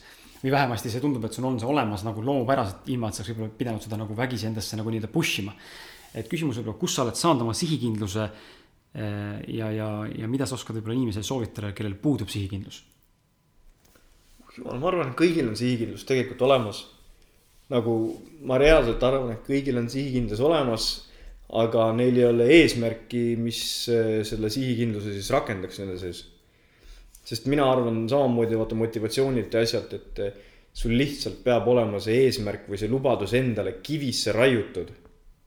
siis tulevad kõik sinu need superomadused sinu seest välja, ma arvan, et nagu see jälle kõlab nii juustuselt ja mingi nagu mingi kurulikult või mingi sihuke nagu imelikult vaata, aga minu meelest on nagu meil kõigil meeletu potentsiaal sees olemas. Aga me pidurdame ennast ise, ma arvan, et ah, ma, ma ei ole sama kangekaelne või sihikindel kui sina või tema mm -hmm. vaata või ma ei ole sama töökas. nagu sa ise müüd endale selle idee maha, idee maha selles, et sa ei ole seda. see on nagu jama ajamine, vaata. et ma arvangi lihtsalt, et asi on selles, et tuleb endale panna väga hästi mõeld-, läbimõeldud ja õigetel ees, õigetel põhjustel eesmärk. mina arvan, et see on asja võti nagu mm. -hmm. See peab olema lihtsalt niimoodi ja isegi kui sa arvad algul praegu, et see on õigetel põhjustel ja, ja nii-öelda õige eesmärk sinu jaoks, sa raiud selle kivisse. ja kuskil teekonnal näiteks seitsmekümne protsendi peal avastad, et eh, see ei ole see, vaata, siis vähemalt mõtle, palju sa õppisid selle käigus. siis sa lihtsalt muudad time frame'i, eesmärki paned edasi aga sa vähemalt tegutsesid, mitte ei rääkinud, et ah, ma ei ole sihikindel, ma ei ole töökas mm. -hmm. ma arvan, et kõik on reaalselt kõik nagu. Et eh, vaata, kui sihikindlad me sündides oleme lastena. mul on kõht tühi. ma tatina lõugasin seni, kuni ma sain selle tissi kätte ja ma piima kätte sain, vaata. see ürgne nagu põhimõtteliselt sind ei huvitanud, kas noh, ütleme nii, et mina olin beebi, vaata sina olid isa, kõrval oli mul ema, vaata, isa magas üliraske töö peal selja taga kas sa arvad, mind beebina kottis, et isal oli raske töö peal? kui mul oli kõht tühi, ma röökisin nagu ratta otsas seni, kuni ma sain selle piima kätte oma ema rinnast, vaata. Et see ürgne tahe lihtsalt sihikindlus teha, anda märku ükskõik mis viisil, seni kuni ma saan, mida ma tahan, vaata mm. -hmm. ja tegelikult ma piirasin sellega juba isa vabadust, et ta puhkaks, tegelikult ta käis tööl selleks, et üldse osta emale süüa, et ema keha toimiks ja annaks mulle siis selle piima, onju. aga primitiivsel tasandil mind ei huvitanud see tol hetkel, minul oli vaja minu toit kätte saada või kui mähkmed olid märjad, ma lihtsalt röökisin seni, kuni mul ära vahetati see. see on hea näide, sest mul endal on tütar aasta, aasta ja kahekuune ja tal on praegu see hetk, kus ta on hakanud sööma nagu lisaks rinnapiimale muid asju ka mm -hmm. vaikselt ja siis tal on kogu aeg. nii kui tekib hetk, kus on see, et näed toitu, siis on mämm-mämm, mämm-mämm-mämm-mämm ja kui sa ei kuula, siis on nagu, siis on, siis on ja, päris. ja temal ei ole seda kasti, vaata. see ongi see, et ühiskond paneb meid järjest rohkem nagu alates mingi, ma ei tea, mis, mis need vanused on, aga põhimõtteliselt sünnist saati, kuni jõuad eelkooli, lihtsalt laps tast-, lapsed tap-, topitud sinna kasti sisse. sa ei tohi öelda seda, sa ei tohi öelda seda. noh, kasvõi porilõiku hüppamine. ma tean, internetis kunagi oli kellelgi, ma kuskilt mäletan, mul sõbranna lasi videos oma lapsel hüpata kummikute ja suht heleda kombinatsiooniga po- po- porilõiku, vaata. ja räigelt tuli mingit tagasisidet, issand, ta lasi nagu porilõiku lapsel hüpata mm, -hmm. issand, riided saavad mustaks ja nii edasi ma mõtlesin tagantjärgi, lugesin ka alt ja muidugi seal see ema ka vastas väga hästi, et mul on esiteks, laps hüppab, ta saab teada, mis tähendab porilõigus olemine ja mul on pesumasin. nii, mis probleem on mm? -hmm. et kas mind huvitab, mida sina arvad minu lapsest ja, ja sellest porilõigu case'ist üldse onju. teine asi, mida mina näiteks mõtlen, on see, et aga laps tegelikult ju, kui hüppab sinna porilõiku, siis ta on kastist väljas, ta tegelikult viib läbi eksperimenti ju mm. -hmm. sul on paigalseisev vesi siis laps oma kehaga hüppab sinna objektina sisse, mis paneb selle vee sealt kogust siis liikuma, kas kuskile välja pritsima. see on tegelikult füüsikaline eksperiment, on ju. siis saavad tal asjad märjaks, ta õpib läbi selle asja. kui, aga, aga mida arvab tänapäeva kasti taotud inimene, on see, et ta teeb lollusi mm. -hmm. mina mõtlen, et noh, laps teeb tegelikult praegu füüsikalist eksperimenti, et mul, minu, minu laps on vist natuke targem kui sinu oma, sellepärast et sinu oma teeb lollusi porilõiku õppides. minu laps teeb täpselt sama asja, aga ta teeb füüsikaeksperimenti, vaata. jällegi, kuidas sa endale selle idee, idee maha müüd, vaata. ja pärast sa saad ju sel najal, noh, ma ei ütle, et mul oleks olnud lapsi või, või mis iganes. aga ma vähemalt loodan, et sel hetkel, kui mul lapsed on või tuleb see laps, et neid asju teeb, et mul on mõtlemine samas kohas, et ma näiteks ütlengi, et näed, hüppas sinna, räägin, näe, mis juhtus, vaata vesi lendas välja, värgid, särgid said märjaks, vaata, miks sa märjaks said, ongi see, et sinu, sina hüppasid sinna sisse, võtsid selle koha veest ära, vesi pidi kuskile mujale minema, vaata. mingid siuksed väiksed asjad, onju. et jällegi see on see, et kuidas sina endale selle idee maha müüd ja tõlgendad. tagasi tulles siis selle sihikindluse kõige selle juurde, vaata. et ma arvan, et kõigil on see sees olemas, küsimus on selles, et kui sügavale sa oled ära peitnud enda jaoks, sa oled, kui kinni müürinud sa oled selle maha müünud endale see idee, et ju, ju ma olengi loodud paksuks või ju ma olengi loodud, loodud vaeseks või, või ju ma olengi loodud laisaks uh. -uh. tatina kõht oli tühi, sa raive lõugasid seni, kuni sa kõhu täis saad. nagu reaalselt või kuni sulle süstiti mingit uinutut või mis iganes onju. et tegelikult on see meil ürgselt on sees see sihikindlus ja kõik see noh. väga huvitav lähenemine jah. mõtlen, et äh, puudutaks võib-olla ka sellist äh, enda teekonda ja, ja kireteemat. kell on praegu kolm, sihuke circa pool tundi, peaaegu kolmveerand tundi saame veel salvestada. et siis äh, puudutas sihukest kireteemat, et sa tegeled täna trenni ja kulturismiga ja, ja samal ajal teed sa ka üsnagi, ma ei tea, mitu aastat teinud oled, võib-olla varsti saab äkki kaks aastat Youtube'i kaks pool. kaks pool, et miks sa, miks sa arvad, et need on täna sinu eh, teekonnad, need võivad muutuda, aga miks sa arvad, et need on sinu teekonnad, tõenäoliselt jäävad sinuga. ja, ja kuidas võib-olla sinu arvates inimene, kes ennast alles otsib, võiks enda teekonnale jõuda? okei okay,, ma esiteks vastan sellele küsimusele kiiresti, siis ma seletan seda lahti. on see, et ähm, kuidas ma tean, et see on minu teekond. sest ma lihtsalt tunnen, et see on midagi, mis mulle meeldib, mis annab mulle midagi rohkemat. lihtsalt see tunne on õige, see kõlab väga juustuselt jälle, issand see sõna juustune. aga lihtsalt see tunne on õige ja, ja vsjo, mitte et see tähendaks, et võib-olla kümne aasta pärast ma olen maratonijooksja ja, ja sihuke peenike vend ja hakkan Aafrikasse võidu jooksma, onju. ilmselgelt ma kaotan seal noh, sest eh, noh, ma ei ole kiire jooksja. aga, aga lihtsalt see tunne on õige ja, ja siiamaani, kui ma vaatan tagasi, mis need nii-öelda nii Youtube kui trenn, kui see fitness, kui toitumine mulle andnud on, siis nad on tegelikult andnud mulle ainult positiivseid asju mm, -hmm. nagu ainult positiivset okei okay,, muidugi on seal mingid negatiivsed, kui ma tahan mõtlema hakata, aga minu jaoks nagu mille, miks, miks, miks ma keskendun negatiivsele ei ole vaja. et eh, tegelikult näiteks, kui me võtame fitnessi, siis ja see trenni pool, see andis mulle enesekindlust, on ju, mehelikkust, sihukest enesekindlust. see, et sa suudad tööd teha millegi nimel ja siis see annab sulle midagi, on ju. Youtube näiteks on eneseväljenduspool, ma saan rääkida seda, mida ma tahan.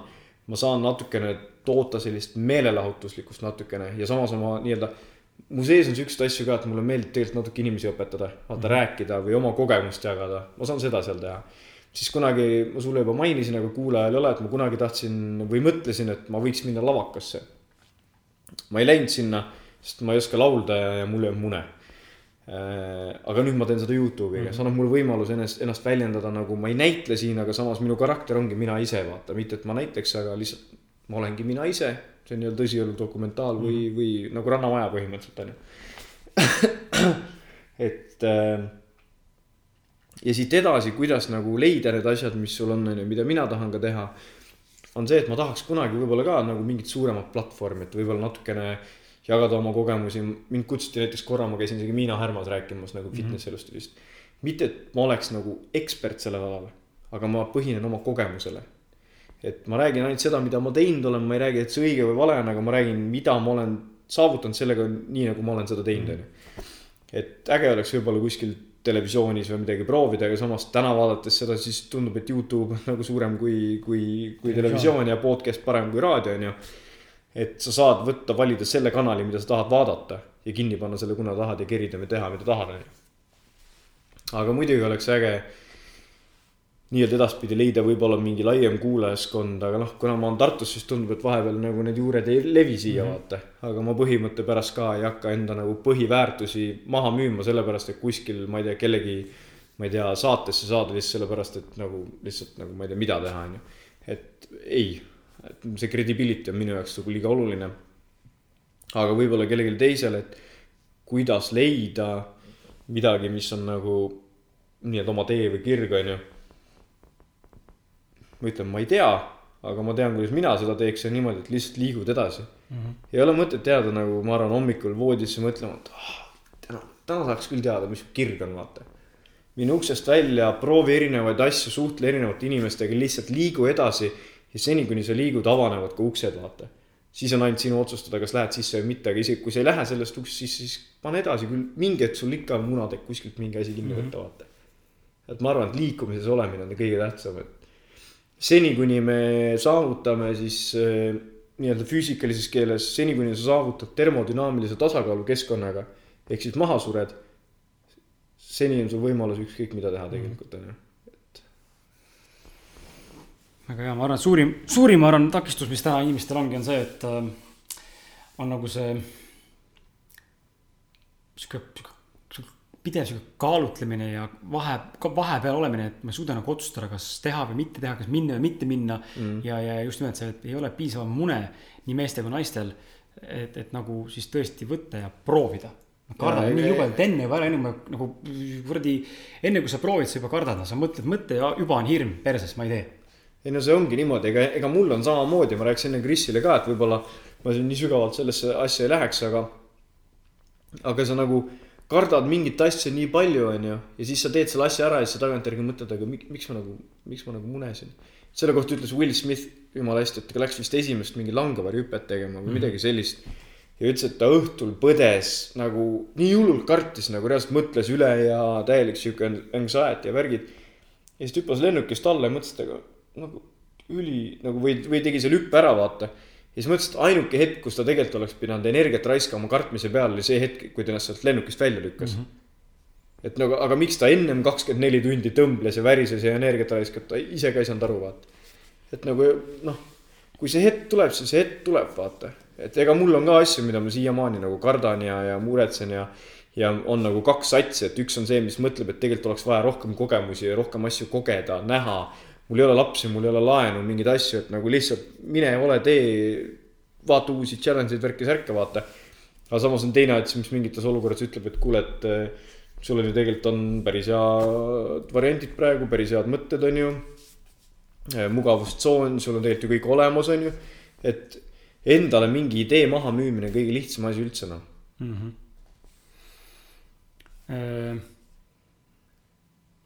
me oleme siin täna põgusalt ka nagu mitte otseselt, aga kaudselt rääkinud ka motivatsioonist ja, ja see läheb kokku tegelikult selle sihikindluse ja eesmärkide rajamisega ja selle, selle, selle oskuse ja võimekusega teha nagu tööd nende eesmärk nimel, et äh, millised on sinu mõtted ja võib-olla sinu kontseptsioon või, või arusaam siis sellest, et äh, kuidas, kuidas nagu siis äh, motiveerida ennast tegemaks midagi, mida sa tegelikult teha ei taha, aga mida tuleb teha? või seal tuleks üldse juba see võrrand nagu lahti kalibreerida, et kas ma üldse pean ennast motiveerima tegema mida, mida ma tegelikult midagi teha ei taha? no ma arvan, et kui see on nagu, kui me mõtleme sellest vinklist näiteks, et tööl käia, millist tööd ma teha ei taha, vaata mm. -hmm. siis see peab, see, see võib olla nagu selles mõttes nagu alateadlik motivatsioon, et kui sa tahad ikkagi, et sul katus pea kohal oleks ja toit laua peal oleks, siis järelikult tuleb teha seda, vaata. nagu alateadlik prim-, primaarne nagu mott on ju. Aga kui see on mingi sihuke asi, mis on valikuline, näiteks trennis käi-, käimine või, või mingid ekstra nii-öelda tegevused, mis võib-olla tooks sulle lisa sisse, vaata, et sa saaks veel parem olla. vot see on see koht, kus peab olema siis lisamott, ma ütleks et see teine on sihuke tavaline motivatsioon ongi see, et sa tuled koju, saad ukse lahti teha, sa astud korterisse sisse, et sul on katus koha peal, et sa ei ole kodutu, vaata.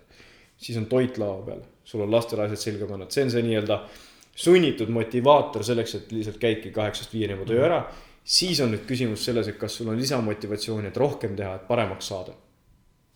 ja, ja selle jaoks ma ikkagi jääks nagu selle juurde, et lihtsalt see eesmärk või, või siht või, või lubadus endale peab olema lihtsalt nii kivisse raiutud. nagu, nagu ma enda dieediga praegu tegin, et seal ei saa kõrvalkaldeid olla, see on lihtsalt ainuke variant, nagu ainuke asi, mida ma tahan saavutada, vaata. et järelikult seal ei ole varianti, et ma ei lähe trenni või et nagu isegi noh, vahet pole, kui väsinud sa oled või, või sa ei jäta seda, ma ei tea, kui näiteks sinul on raamat kirjutada, vaata, ja sul on see ainuke võimalus, vaata. siis okei okay,, raamat on nagu hästi palju ka sihuke mõttega töö, vaata, et sa pead saama mingi, ma kujutan ette, et mingi flow värgi mm -hmm. ja mhm. mingi siukse mõtte, et see on muidugi keerulisem. aga kui see on puhtalt manuaalne asi, vaata, ümber, näiteks ümber trükkida või, või midagi siukest, siis seal ei ole muud varianti, et sa pead selle ära tegema. lihtsalt tee, jah ja. Et ma arvan, et seal on kaks motivatsiooni, noh, mulle ei meeldi väga sõna motivatsioon ka, ma enne mainisin seda Krisile. et minu jaoks motivatsioon on ainult nagu säde või sihuke leek. aga see kütus, mis paneb selle plahvatuse tööle, selle põlema selle asja on ikkagi action, liikumine, sihuke kivisse raiutud eesmärk. et aga ma arvan, et seal ongi, et üks asi on see, et mida sul on igapäevaselt vaja teha, et lihtsalt ellu jääda. teine asi on see, et mida sa saad lisaks teha, et paremaks muutuda mm. -hmm. et areneda, olla parem sina, parem, parem see, kui sa eile olid. mitte lihtsalt kulgeda, et sa käid täna tööl ära selleks, et järgmine viies kuupäev saada palk, et maksta ette ära üür, et ka lihtsalt jälle muned oma korteris vaata. et ma pigem nagu sõnastaks selle niimoodi mm. -hmm siis äh, mind huvitab äh, ja ma arvan, et äh, siin on nüüd natuke siuksed teistsugused äh, küsimused nüüd lõpus, mis on tegelikult mm -hmm. võetud äh, ühest, ühest, ühest äh, jah, selleni me jõuame, kui need küsimused võetud on. aga no., aga need on teistsugused küsimused, et need ei ole minu enda küsimused enam, vaid need on juba välja mõeldud teistmoodi. et äh, räägi mulle, mida sa plaanid järgmisel aastal saavutada ja nimeta näiteks enda kaks suurimat eesmärki aasta kaks tuhat kakskümneks, kas sa oled üldse mõelnud nende peale? kurat, ma ei ole nende peale mõelnud, aga ma tean seda, et ma kindlasti tahan mingites valdkondades jälle edasi areneda. et ma tahaks kindlasti mingil määral kuidagi selle eneseväljenduspoole ehk siis Youtube'i viia uuele tasandile. ma tahaks teha kindlasti videosid teha, näidata ennast, aga samas võib-olla siis ka selles mõttes, et kõlapinda laiendada mm, -hmm. et jõuda rohkemate inimesteni, aga kvaliteetselt jälle, et mitte mingit sitta tootes.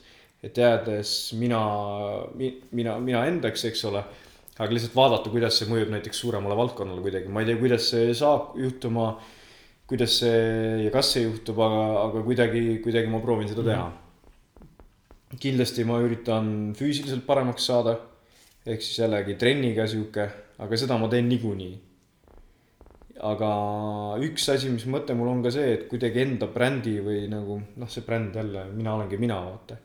et äh, mingi sihuke kõrval hustle või mingi kõrval väike ettevõtmine endale tekitada, millega oleks võimalik lisaraha endale teenida, vaata mm -hmm.. lisasissetulekut kasvõi selle põhimõttega, et oleks mingi enda asi, mille kallal nokitseda, sest kui see on minu asi, siis ma tean seda, et ma võin seda nokitseda ka pühapäeva öösel, vaata mm. -hmm. kui see on kellegi teise asi, siis seda on nagu natuke raskem motivatsiooni leida selleks, on ju. et mingi, mingi asi, ma ei tea, mis see on.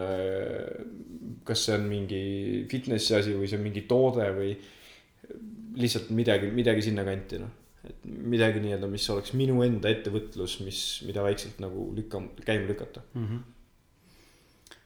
siis on sihuke, sihuke pool, pool fun küsimus ka tegelikult natuke, täna puudutasime raha ja aega mõlemat, et see on sihuke kaks kokku pandud, et. kumma sa valid, kas iga päev kakssada eurot või iga päev kaks lisatundi ja miks? lisa kaks tundi ikka.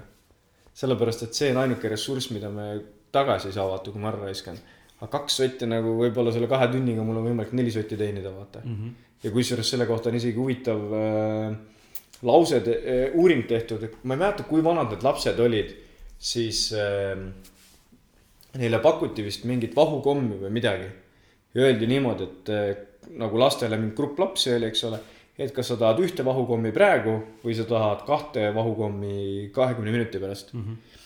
ja enamus võtsid selle ühe vahukommi praegu, vaata aga uuringud näitasid, et need, kes valisid need kaks vahukommi või mingi suurem kogus siis vahukomme kahekümne minuti pärast. Need inimesed vaatasid alati ka edasises elus, ehk siis see oli pikk uuring nii-öelda mingi keskkooline või isegi täiskasvanute eluni välja. et need inimesed jõudsid kaugemale, et mm -hmm. nad mhm. olid valmis äh, täna andma midagi ära, et homme midagi rohkem saada mm. -hmm. et kindlasti mina võtaks kaks tundi rohkem, et äh, ma saaks kasvõi kaks tundi, ma ei tea, kauem sõpradega aega veeta mm -hmm. või, või mis iganes, et see tasuks kindlasti ära, noh. ma ise olen ka seda meelt, et äh, ma ise olen ka pigem, ma näen, mitte pigem, vaid ma ennastki näen, et äh, väga tugevalt äh, selle, selles osas olen nagu sinuga selle samastun, et äh, pigem ma täna nii-öelda siis äh, koonerdän ja elan alla oma võimete mingil määral mida ma saan kindlasti parendada täna, et on kindlasti valdkondi, kus ma olen natuke uisapäisa kulutaja. aga, aga näiteks elan alla võimete, selle nimel, et mul siis tulevikus oleks võib-olla ka ütleme puhtalt finantside aspektist lähtudes oleks nagu kergem olla, et ma olen näinud seda noorest ajast alates, kui ma hakkasin mitte pidudel enam käima ja, ja mitte ma nagu pidusid maha teen, aga ma tegin mm. kunagi üheksateist aastasena valiku, et ma rohkem seda sitta ei viitsi teha. mulle mm. see ei meeldi, see pole mina. ja, ja ma käin oma teed, inimesed ei mõistnud mind ja, ja mul oli kogu aeg tagauklas see mõte, et käi oma rada, tee oma asja mm, -hmm. sest et sa teed seda täna juba te,, kui teised alles nillivad, naudivad, otsivad, nad veel ei tea, mis nad tahavad, avastavad ennast võib-olla kolmekümnesed alles, et ahah, nüüd on aeg hakata investeerima iseendasse. selleks ajaks olen ma kümme aastat teinud juba seda. ja mul on nagu mingi eelis, eks ole, mitte ma ennast aeg võrdlesin nendega, aga mul tagakuklas on kogu aeg see, et ma olen nõus täna ohverdama midagi oma elust, et mul oleks homme või nädala pärast või X aja pärast kergem, parem ja, ja võib-olla ka võimsam nagu olla. aga no see ongi see, et vaata mis nagu see asja teeb raskeks, ma arvan, me natuke täna puudutasime ka seda teemat, ongi see nii palju aspekti, kas su perekond toetab sind, kas nad mõistavad sind, kas su sõbrad saavad sinust aru, on ju, kas ühiskond aktsepteerib seda. kas sa sulged sellega mingeid uksi, on ju.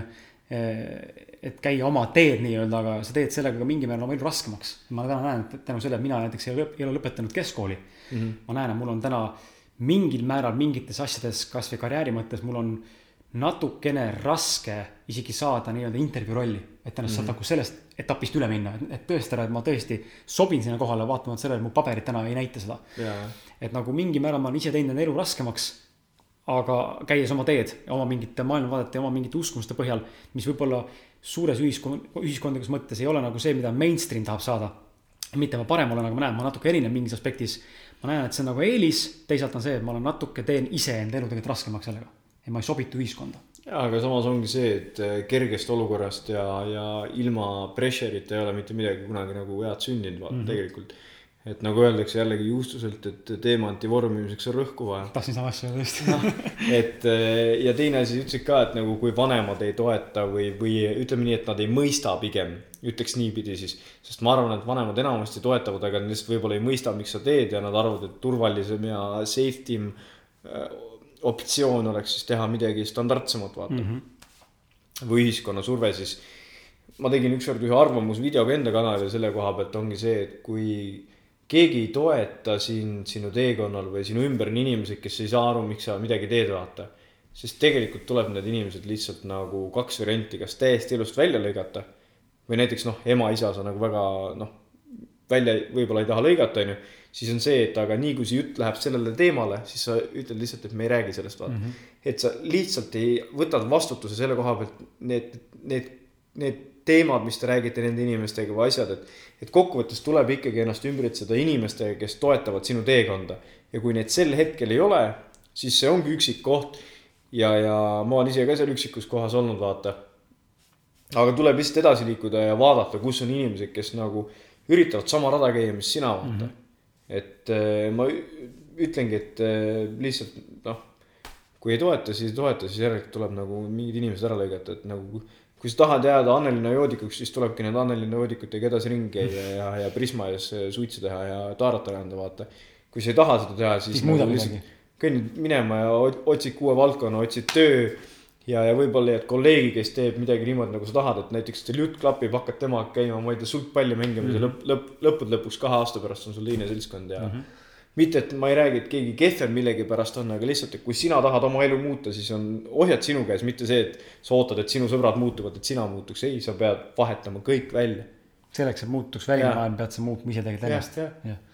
et sa ei saa maailma, näiteks sa tahad, et maailm oleks parem place ja mõtled, oi, et see peaks tegema toda ja too peaks tegema toda, et kõik on kõvad õpetajad, aga nagu kui sa tahad maailma muuta, siis nagu jällegi see on nii juustune onju, kurat see juustune on mingi tänane sõna, ma ei ole ennem seda elu sees kasutanud, siis äh, tuleb nagu ennast muuta mm. -hmm. ja siis see kiirgab nagu alateadlikult nagu edasi vaata, et inimesed vaatavad, oh, et ta teeb midagi teisiti, vaata. ja see on ka inimestega suhtlemise juures, ma tahan seda kindlasti siin praegu välja tuua ka, et enne kui saadet salvestama hakkasime, siis sa rääkisid nagu, noh, me rääkisime sellest töö, töökeskkonna kontekstis, aga tegelikult elus üldse ma näen seda ka, et ma näen, et me mõlemad oleme, ma saan rääkida praegu enda kohalt, sa saad ise lisada, aga ma näen, et meil on sarnane joon, et äh, ma olen äh, elus üritan võimalikult palju olla seda meelt, et kui mul ikkagi tunnen, et see vestlus midagi mulle ei anna, siis ma ütlen viisakalt, et sorry, aga ma ei, noh, siin ei ole mitte midagi, mida mul täna võtta ja mul ei ole midagi anda sulle.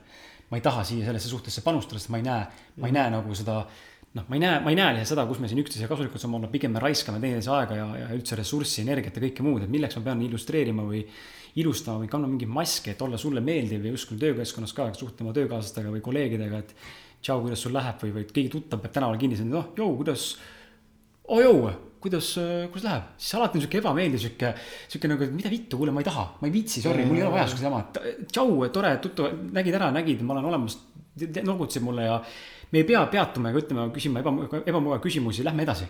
Me nagunii ei hakka suhtlema, me noh, võib-olla hakkame, see protsent on väga väike, aga see eeldab ka seda, siis on nagu, siis peab olema ka mõlemal pool mingi sihuke tugev intention või klapp nagu tunne ja, onju. ja sest tegelikult ma ütlen ausalt, enamus inimesi, enamus kuulajaid tunnevad ära seda, et nad on kogenud seda momenti, olgu see mis iganes, kus sa näed vana tuttavat, vaata ja sa oled kuskil Prisma riiulite vahel kokku vaata ja, ja siis nagu te vestlete, vaata siukest tühja juttu, aga samas on siuke kibelus, ega, ega, tegelikult ei viitsi siin olukorras olla, vaata, ei taha. Aga samas nagu seda mune ja nii-öelda ebaviisakust on ju jutumärkides ei ole, et ütleks, et kuule, et aga ütlen ausalt, mul ei ole praegu aega jutustada, et tore oli sind näha. head aega vaata mm, -hmm. mitte et sa ei pea ütlema, et oi, see ei ole minu inimene ja see, ma noh, minu aeg ei ole seda väärt, vaata, sa ei pea nagu sihuke kukk olema, vaata. aga lihtsalt ütledki ausalt, et ma ütlen ausalt, mul on vaja praegu ära minna, vaata. et sorry, et ma ei saa rohkem rääkida või, või ma loodan, et sul läheb edasi hästi, kunagi võib-olla näeme, saame pikemalt rääkida.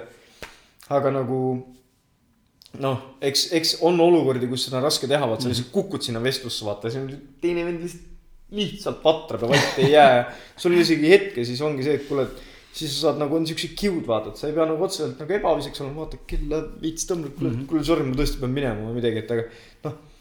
mina ütlen ka ausalt, et miks olla situatsioonides, kus sul on valik ja võimalus mitte olla, vaata. kui see just ei ole nagu mingi eneseareng, et nagu mugavustsoonist välja viib nii-öelda põhimõtteliselt ja, ja eesmärgipäraselt.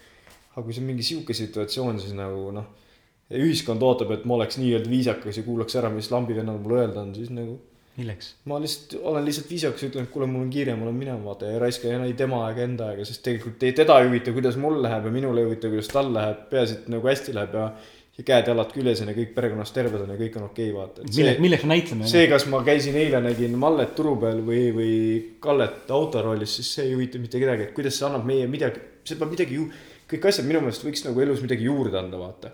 kasvõi kaudselt mm, -hmm. avardada mingeid kogemusi, mis iganes, et eh, muidugi, et see ei ole igas olukorras niimoodi. aga samas me peame tahtma rohkemat, et saavutada rohkem, mitte et noh, ei mõtle rohkem, onju. jah.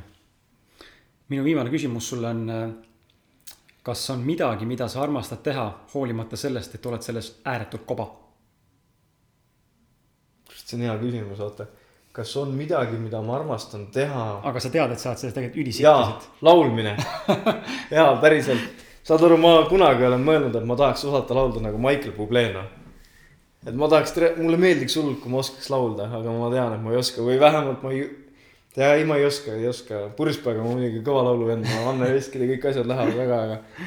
aga jah, ma tahaks osata laulda päriselt nagu hästi ilusasti, sihuke mitte mingi mingi sihuke nagu tänapäeva noored kuulavad mingi räpp ja ma ei tea, mingid Drake'id ja mingid siuksed asjad, ma ei, ma ei hinda seda vaata mitte, et see oleks kunst, kunst ja ei vääriks hindamist, aga mulle lihtsalt meeldib sihuke. natukene siis võib-olla. Raimond Valgre Eesti moodi sihuke. ja, ja kindlasti ja, ja e-, Eesti muusika mulle meeldib väga, onju, et äh, mina ei pane mitte midagi pahaks, kui on see kasvõi patune pool, onju. aga, aga jah, laulda tahaks osata hästi ja võib-olla mingit pilli ka mängida mm. -hmm. Näiteks kitarri tinistada, laulda või, või trumme või midagi siukest. ma arvan, enda poolt ma saan siia lisada selle, mul on näiteks tantsimine. ma tean, ma olen täis puujalg, aga. ai kurat tahaks haigelt tantsida. pitsi või kaks ja ma olen kurat kõva tantsuvend aga, aga jah, ütleme nii, et laulmine küll, et seda tahaks, minul on laulmine jah. soovitan sul kuulata, mitte sul kuulaja, tähendab sul ka kuulaja, aga sul Lats kuulata tagantjärgi meie Roland Toko Eduakadeemia omaniku saadet, kus ta rääkis, kuidas tema nelja aastaga õppis kitarri ja laulmise selgeks. Et sul on vaja lihtsalt õigeid tööriistasid, kõik oskavad tegelikult laulda, sul on vaja lihtsalt tool'e, kuidas ja, seda teha ja, ja, ja ta esines äh, siin Saku Suurhallis kuue tuhande inimese ees. Pole okay. nagu, sa saad aru, ta ei ole, noh, et ta ei ole, sa kuulad, ta andis plaadi isegi välja nüüd, ta andis isegi mm -hmm. plaadi välja, saad aru, kolmeteistkümne lauluga ingliskeelsed laulud. sa saad aru, et ta ei ole nagu vokaalselt tugev laulja mm, -hmm. aga ta sai üle oma sellest, et, et ma ei oska laulda, ta oskab laulda nüüd. ei, ma, ma mõtlengi seda, et mulle meeldiks see, kui mul oleks veel mingi talent, vaata, et see mm, -hmm. et keegi nagu suu-, nagu mitte suur, aga jällegi on see võib-olla esineja ja nii-öelda nagu mõni ütleb eputaja. minus räägib seda, et ma tahaks nagu seda seda laulja talenti siis jagada, kui mul oleks see, vaata mm. -hmm. et ma tahaks midagi seda kellelegi teistele mingit emotsiooni pakkuda, et näiteks mingi rütm vabastab neid ja nad saavad tantsida ja kaasa laulda või midagi, aga mingi, mingi sihuke pool, et mitte lihtsalt tehniliselt laulda, vaid niimoodi laulda, et see kuidagi liigutab kedagi. kõnetab inimesi. Mm -hmm. nüüd on see hetk, kus sa saad oma teise kingituse, Ats. ja no, siis. Oma teise kingituse, et äh, ma ei tea, kui palju sa meie viimast saadet kuulanud oled või kui palju sa oled sattunud kuulama meie viimast, äkki need on kaks saadet üldse ilmunud meil, kus ma olen seda kasutanud. meil on uus koostööpartner mm. -hmm. ja teie kuulajad, võib-olla kui olete järjepidev kuulajad, siis juba teate. meil on äh, uus koostööpartner, äh, kellega me teeme koostööd, enne ma Ats sulle tagasihoidlikult kaks ausat meeste oh. kleepsu. raamatu ma ei toonud sulle, sest raamatu sa tegelikult juba suvel said äh, Peep Vainu äh, live podcast'ilt ja ja, ja uus koostööpartner on meil siis Eluplaan vestluskaardid, ma ei tea, kas sa kuulnud seda ei ole? kurat, ei ole isegi. ja, ja me tavaliselt kasutame neid saates, need küsimused juba kõlasid täna siin ja ma tahan sulle kinkida koostöös eluplaaniga siis äh, kaks sellist äh, kaardipakki, mida sõpradega mängida, üks on äh, sada kuuskümmend küsimust, igal kaardil on kaks küsimust ja neid saab mängida kuni siis noh, mis iganes, kolm tundi järjest mängid, vastad kõikidele küsimustele oh,. väga äge. väga sellised deep, sügavad küsimused. kusjuures mul oleks eile neid vaja olnud, sest mul no. oli väga-väga hea sõbra sünnipäev ja ta on ka sihuke inimene, kes on äh, noh, sünnipäev ei ole, pea olema tingimata sihuke, tervitan Joeli siinkohal, ma ei, ma ei tea, kas ta kuulab seda. ma pigem arvan mitte, ta on sihuke lo-, lo, lugeja vend rohkem mm. -hmm. Aga ta on ka sihuke, kes näiteks me, ongi, et sünnipäeval käisime, mängisime võrkpalli, rannavõrku nii-öelda Nõo rannahallis, mängisime jalkat seal. siis läksime kõik koos sööma. siis läksime tema juurde, mängisime Fifat, pokkerit ja, ja lauamänge. ja notti ei võtnud, noh, mis on täiesti teistsugune, vaata et eh, ta on ka sihuke mees, kes on hästi enesearengule ja ma arvan, et see oleks väga huvitav asi, mida nagu sõprade keskel mängida seal. Mina tutvusin nende kaartidega esimest korda, kui mul see aasta sünnipäevaks kingiti seesama kollane pakk. Neid on tegelikult mm -hmm. kokku neid kaarte on mingi üle kümne erinevast nagu Aa, temaatilisi okay.. ja, ja. kusjuures need on päris huvitavad, sest partnerarmastus ehk siis naist mul ei ole, seda ma mängin peegli ees endaga. või sõbraga võib isegi mängida, sest seal on küsimused, mis näitavad sulle, milline mees sa oled või mida sa hindad suhtes üldse. ja siis on sõbrad kvaliteetaeg, eks see on ka sihuke asi, mida see on sihuke, ma arvan, et need on jah, kindlasti ma sirvin need läbi ja ma arvan, et me sõpradega, kuna meil on veel siin karsklust kolm või neli nädalat alles. eks põhimõtteliselt ma arvan, umbes selle ajani on Nats äh, kaine see kõlab nii valesti. on Nats kaine, kuni see saade Saad live läheb ja siis põhimõtteliselt ma arvan, et me kastis. mängime seda, siis ma olen kastis ja mängin neid mänge. aga ei, aitäh, tõesti aitäh väga hea ja, ja Ats, sinu viimane hetk siin öelda, mis sul täna ütlemata jäi, ennast reklaamida, enda tooteid, teenuseid müüa, inimestele midagi soovitada, ma ei tea, kedagi perse saata, tervitada ema. sinu eetrivõimalus, need viimased sõnad. Äh, ma arvan, ma ütlen kahte asja, esiteks, kui te tahate mind jälgida, kui teid natuke kõnetas see, kes ma olen või kust ma tulen või, või võib-olla mida mul on veel pakkuda näiteks Äh, siis jälgige mind Youtube'is, Ats Loot lihtsalt otsida, peaksite üles leidma. Äh, Instagramis olen ka olemas, äh, seal, kas ma just palju sisu toodan, pigem mitte ainult siis, kui ma reisidel käin, siis on võib-olla huvitavad mingid snippetid seal, siit-sealt. aga äge oleks ikka võib-olla ilusad pildid seal ilma särgita või midagi kunagi. aga üks asi, mis ma arvan, mis mind nagu kõige rohkem on kõnetanud viimase kahe aasta jooksul, võib-olla kahe poole aasta jooksul, on see, et et äh, inimesed võiks vähem lasta ennast kottida teiste arvamusest. nagu päriselt. ainuke arvamus, mis peaks sind mõjutama nagu päriselt nagu, nagu kõige tähtsamal tasandil, on sinu enda arvamus sinust endast. see on kõige tähtsam asi üldse nagu ei ole mõtet ennast peksta millegipärast, et võib-olla ma praegu ei ole piisavalt lihaseline või ma ei ole piisavalt peenike või piisavalt tark. sa oled praegu see, kes sa oled, järelikult sa tead, kus sa oled. Ehk sa tead stardipunkti, kõige hullem on see, kui sa ei tea stardipunkti, aga sa tead, kuhu sa tahad jõuda mm. -hmm. sa pead kõigepealt sätestama selle, kus sa oled, vaata, nii finantsiliselt, mis iganes su eesmärk on. ja, ja ära lase teiste arvamusel ennast mõjutada, et seni ära lase ennast teiste arvamusel mõjutada kuni see ei mõjuta nende vabadust või, või kellegi nii-öelda freedom'it või ei tee haigust, vaata, haiget. et me oleme juba nii pikalt rääkinud, mul nagu juba läheb sõna sassi. aga jah, ma keerutan küll, aga kõige tähtsam on sinu enda arvamus sinust endast. ära lase olenemata kellegi teise standarditest, olgu see ühiskond, ema või, või eh, Malle vanem eh, poi-, poeg. Eh, ära lase kellelgi nii-öelda oma arvamust peale suruda või mõjutada kasvõi kaudselt, et sa arvad, et temal on õigus või, või, või mõte taga, et. eriti sotsiaalmeedia puhul. ja joo jumal, see sotsiaalmeedias kõigil on maskid ees, kõigil on nii ilusad tagumikud, aga siis kui jõusaalis näed, siis vaatad, kurat, see ei ole perset treeningki vaata mm. või poiss, poisid ka samamoodi, et. see on see pilt, mis sa saad teha, sa saad nurgalt teha, no minul endalgi, ma tean, mis mul on nurgad, kus ma pean pildi tegema, et ma näeks nagu võimalikult hea välja vaata ja ja nagu see ole absoluutselt vale, et sa paned sotsiaalmeediasse endast parima nurga all pildi ülesse. kunstnikud ei pane ka galeriisse perse läinud tööd enamasti mm -hmm. nagu üheksakümmend üheksa protsenti juhust. see on ainult siis, kui sa oled ülikuulsaks saanud ja siis näitad, et näete, et aga minul on ka siin kaks tuhat tööd, mis kukkusid perse ennem kui ma selle kunstiteose mm -hmm. valmis sain, onju.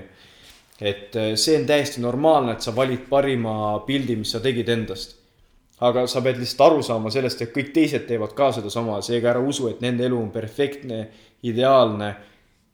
inimestel on kõikidel mured, noh, olgu see Kersti Kaljulaid, eh, ma ei tea, mis iganes, eh, Liis Lemsalu või, või Ats Lootna. vaata, kus ma panin ennast praegu inimestega joonele aga, aga meil kõigil on omad ebakindlused ja, ja trust me, need on, on nii suured kui väikesed asjad nagu mm. -hmm väga hea, ma tänan äh, sind kuulajad, sa need äh, kaks pool tundi siin vastu pidasid, ma julgen praegu väita peast vaadates, peast vaadates, peast äh, meenutades, et see vist ületas meie aja, siiani kõige ajaloo kõige pikema saate peaaegu viieteist minutiga vist, ma arvasin, et tuleb kolm tundi, aga kolme tunni pealt ma ei oleks enam bussile jõudnud, nii et kuskilt maalt. ega mul hakkas ka juba aju kokku jooksma veits sihuke Joe Rogani stiil hakkab vaikselt meile saatesse sisse tulema, sest et me oleme kuulnud ka meie tagasisidet teilt, armsad kuulajad, et äh, mõni ka, et kolmetunniseid podcast'e oleks mõnus kuulata, ma ise. päris äge jah. päri-, ma ju, ma ei oleks oodanud, inimesed tegelikult tahavad kolm tundi kuulata. Äh, me sinuga, Ats, täna rääkisime ka sellest, et pigem võtta ja. nagu pikk asi ette kui mingi kümneminutiline äh, pealiskaudne või mitte süviti minev tekst, aga, aga nagu fucking tubli, et sa siit kolm tundi või kaks pool tundi vastu pidasid, kui sa pidasid ja, ja ja ma olen sada protsenti veendunud, et sa said siit nagu sitaks väärtust, sest et mina ise tunnen praegu, tunnen praegu siin Atsiga olles kaks pool tundi ja ka saate eelnevalt koos, koos veedetud aega siis vaadates ma näen ja tunnen, et see on üks mind kõige enam kõnetanud ja ma arvan, ka meie saates üks kõige rohkem väärtust nagu pakkuv saade olnud, siin on hästi palju häid mõtteid kokku tulnud, aga need toetavad seda kondikava, kuhu meie selle ausalt mehe podcast'iga liigume. kuhu mina, Martin oleme enda maailmavaadet ja enda perspektiivi ja uskumusmustreid teile nii-öelda mingil määral tutvustanud ja peale surunud. Ja sama on teinud ka teised külalised, et väga palju kõlapinda on siin haakunud teiste inimestega, kaasa arvatud Urmas Sõõrumaa ja selliste suurnimedega. Eh, kes on saates läbi käinud, et nii, et nagu ülimalt hea endal jälle näha kinnitust, et tegelikult me kõik oleme õigel teel. kaasa arvatud sina, armas kuulaja, kui sa meid kuulad, siis sa oled õigel teel ja, ja ja igal juhul ma olen kindel, et eh, vaata Atsi, sest et eh, kui sa selle saatega tänase resoneerusid, siis no pole küsimuski, et sa kuradi Atsiga ei resoneeru, see pole võimalik. nii et aitäh sulle, et sa kuulasid ja, ja aitäh sulle, Ats, et sa mind äh, niimoodi alandlikult siia enda koju vastu võtsid ja no, minuga seda uhkelt ikka, uhkelt. pühapäeva, pühapäeva minuga sisustasid, et äh, sitaks kõva vestlus ja, ja ma arvan, et äh, me, me näeme sinuga rohkem. ma, kui mitte ma ei arva, ma teen nii, et me näeksime rohkem, et ja kui sulle see ei sobi, siis ma lihtsalt surun ennast peale, sulle on kõik. no ütleme nii, et kui liiga surumiseks läheb, siis ma nii ka öelda alati, et aga ei, ma arvan, et viimaseks korraks ei jää ja, ja mul oli ka selles mõttes, et ainuke asi, mida ma tean, mis, mis ma juba tagasi analüüsin, kuna ma olen sihuke hästi analüüsinud, lihtsalt ma kardan seda, et minu tekst oli hästi hüplik. aga õnneks on Kris selline, kes suudab nagu asja sidusamaks muuta ja tegelikult ma arvan, et kuulajad ka on intelligentsed inimesed, et isegi kui see kaks ja pool tundi minu poolt nagu, kui mina oma juttu rääkisin, oli hästi hüplik, siis tegelikult te leiate siit need mingid nii-öelda endale meeldivad pidepunktid, mingid nipid, mingid mõtted üles ja leiate selle läbiva joone, et ega olgem ausad, et mingist kahest poolest tunnist võtta endale mingi kümme asja neid kõike tegema hakata on üsna ebarealistlik. pigem leiad üks-kaks, võib-olla kolm mõtet. ja, ja siis proovid neist nagu seda nagu,. Execute'i. täpselt, et mm -hmm. act on it nii-öelda, et noh. motivatsioon on tore küll, aga kui liikuma ei pane, siis on see nagu noh, nagu mõttetu noh. ja need head mõtted siis, äh, me oleme Martiniga alati iga saate siia alla down description'isse oleme ala, alati välja toonud, eh, mul hakkas nahast asju juba, alati välja toonud eh, meie arvates siis parimad meiega haakunud mõtted, nii et mine vaata, võib-olla on midagi sellist, mis sinuga haakub ja saad endale kohe võtta, ilma et peaks ise uuesti konspekteerima mm. -hmm. aitäh sulle, Ats, aitäh sulle, kuulaja ja, ja teiega kohtume juba järgmises saates, mis on järgmisel reedel, kui mitte varem. tšau. tšau, Puka.